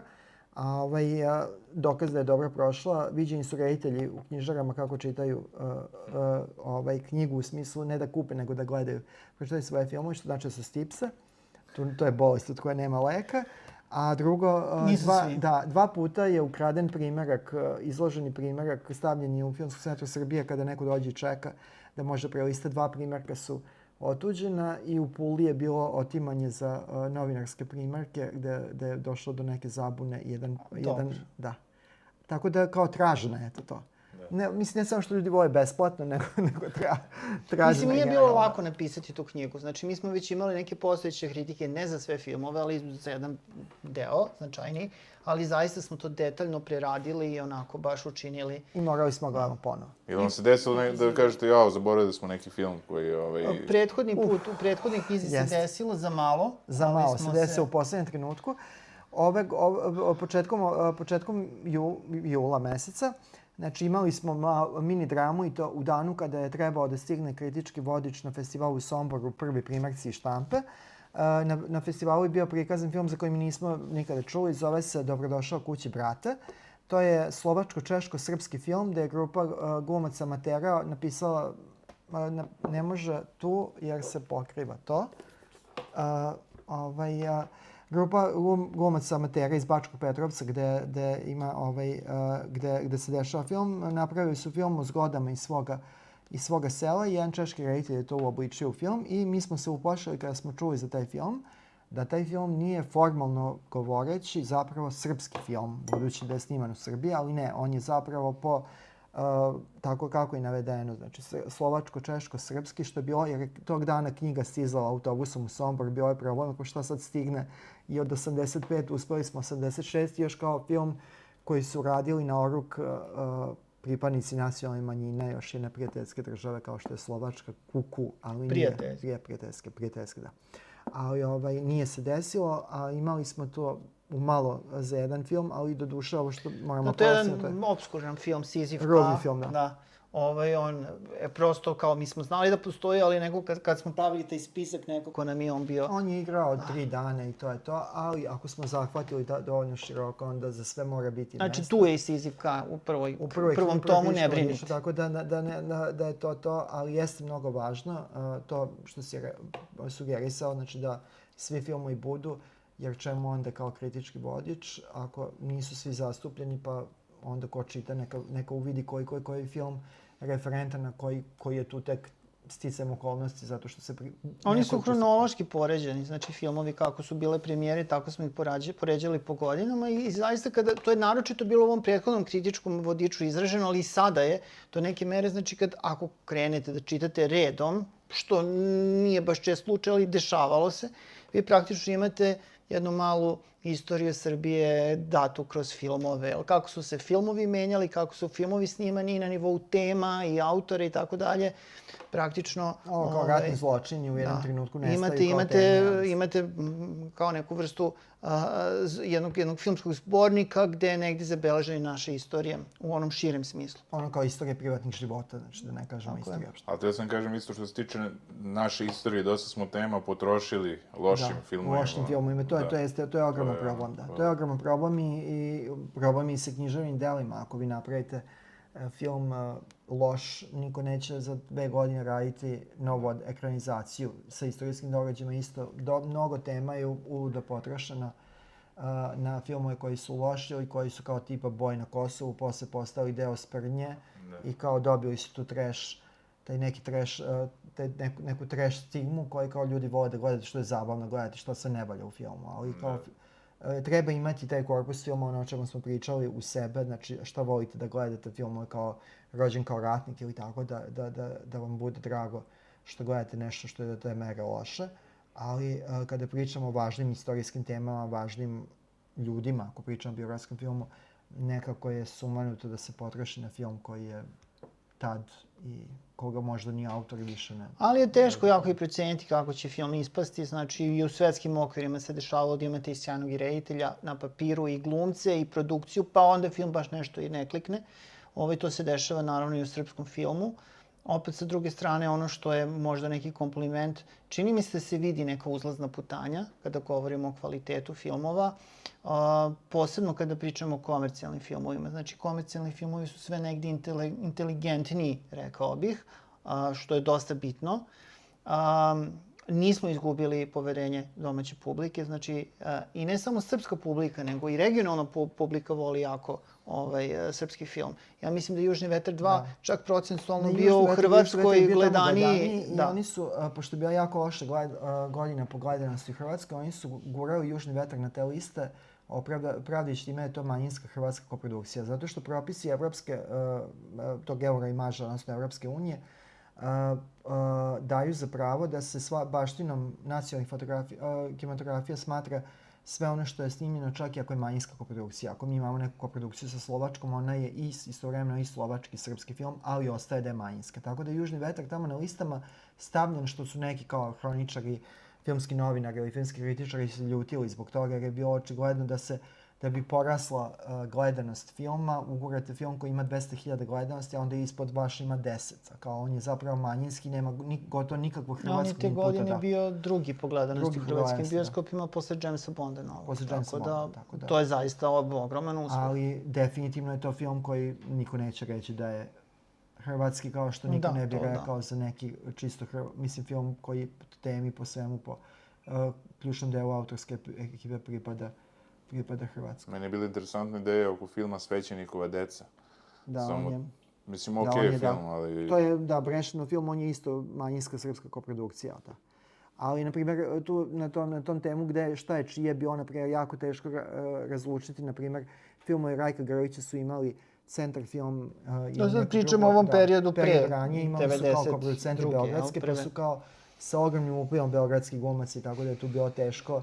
Uh, Čaruga isto bio gotovo pola-pola hrvatsko-srpski film kada je došlo do deobe kako podeliti, ali napravili i svjećenikovu decu mimo, mimo uloga koje tumače, vi sva, prihvatate kao hrvatski, uh, hrvatski film. I to je u redu, kao u redu je da se, uh, u redu je da kao filmovi postane nekako opšte dobro, jer kao uh, broj publike definitivno pojavom novih formata se smanjivao i znači na tržište koje nekada je teoretski imao 22-24 miliona, sada možda zbilja ljudi koji ko gleda to je milion dva, sve skupa, tako da uh, sad što mi nismo upućeni, na primjer šta se događa u Sloveniji koja ima kao te neke povremene ispade. Pa dobro, i nije da nismo potpuno neupućeni, mislim, da, ipak mislim, ta saradnja u regionu je dosta, dosta snažna. Do nas, to se dosta je snažna, pa dođe da. po neki. Dosta se lomila koplja oko filma Četvrti čovek, da li je ovaj, onako kao, da li može se prikazuje i u inostranstvu, kao delovo je da je suviše komercijalan, kao da je, hoće da se pa da. dodvori, da. ali ovaj, šta vi mislite o tom filmu? Da li je on, on ovaj, dobar za naše uslove ili... Pa tad kad se pojavio u tom periodu jeste bio primer kvalitetnog žanrovskog filma. Mislim, ako ćemo pošteno, taj film zapravo prepričava ovaj, uh, uh, ovaj, Bornov identitet. Mm. Da. To je, mislim, mislim Bornov identitet kao roman i Bornov identitet kao ovu miniseriju sa Richardom Chamberom i Jacqueline Smith u glavnim ulogama. To je zapravo to, taj, taj zapad. On u tom trenutku kada, kada se pojavio je predstavljao onako nešto kao priču. Treba se sećam da je uh, zapravo te godine, eto, to je bilo ono kao koliko je vere bilo, taj film otvorio Cinemaniju kao u sve ove Warner Brothers, Paramount i slične filmove, to je otvorio i Miki Krstović je zapravo prvo lice na Cinemaniji koje se vidio u, u, u, ovaj, u centru, to je dobro. Mislim, sad taj film uh, nije ostao nešto posebno relevantan. Sad da, mislim da nije dobro da. ni ostario. Nije ni dobro da. ni ostario, ali jeste bio kao zanimljiv i imao je tu kopču kao između to, kao da se, da se osvrne na nešto što je se zbilja dešavalo u nedavnoj prošlosti, a da pritom bude žanrovski jasno profilisano. To je kao jedan od boljih zečećih filma, mada na, na tu temu je kao film dosta bolji njegov neprijatelj. Neprijatelj, da. Da. Momci, mnogo vam hvala na ovom gostovanju. Uživao sam. E, Nismo spomenuli tvoje knjige, ovaj, krimi romane. Biće neki put. Ovaj, Neki drugi put. Mogu da se nađu trenutno gde? Da, pa dobro, ta distribucija, pošto je Laguna izdavač, mislim, još je bolja. da. Mada, mislim, bit će i kritičkog vodiča, ali u svak svim Laguninim knjižarama, ako volite kriminalističke romane, ovaj, možete da nabavite dva romana iz mog opus, opusa Smrt u ružičastom i Umri ljubav. I Umri ljubav je bukvalno izašla istog dana kad je kritički vodič novi. Tako da sam eto uspeo da jednog dana dve knjige imam objavljene. Hvala. Ovaj, tako da, eto, i to je neka zapravo ti, ti kriminalistički romani koji pišem, oni jesu romani pre svega, ali ta neka ljubav prema filmu, mislim da se dosta i u njima može ogledati. Da li nisi pomenuo znači, da prethodna dva romana sa inspektorom Limanom ne mogu više da se ovaj, kupe? Pa zato ih nisam ni pomenuo. Dobro, ali da, tek da postoje, znači postoje još romani Žuta kabanica. Dobro, ovo mi je peti sad roman koji je izašao, I pre da. toga Zombi avantura, Ostrvo prokletih. Da, pre Zone mrtvih je izašla. Negde u to vreme. Mm, negde u to vreme, okej. Nek bude da je tako. Želim vam puno sreće u, u svemu, čime, čime god da se bavite, pošto ste svestrani, tako da Hvala, takođe. hvala vam mnogo na gostovanju. Mnogo je sam. leta. Hvala, Gledamo se na dalje.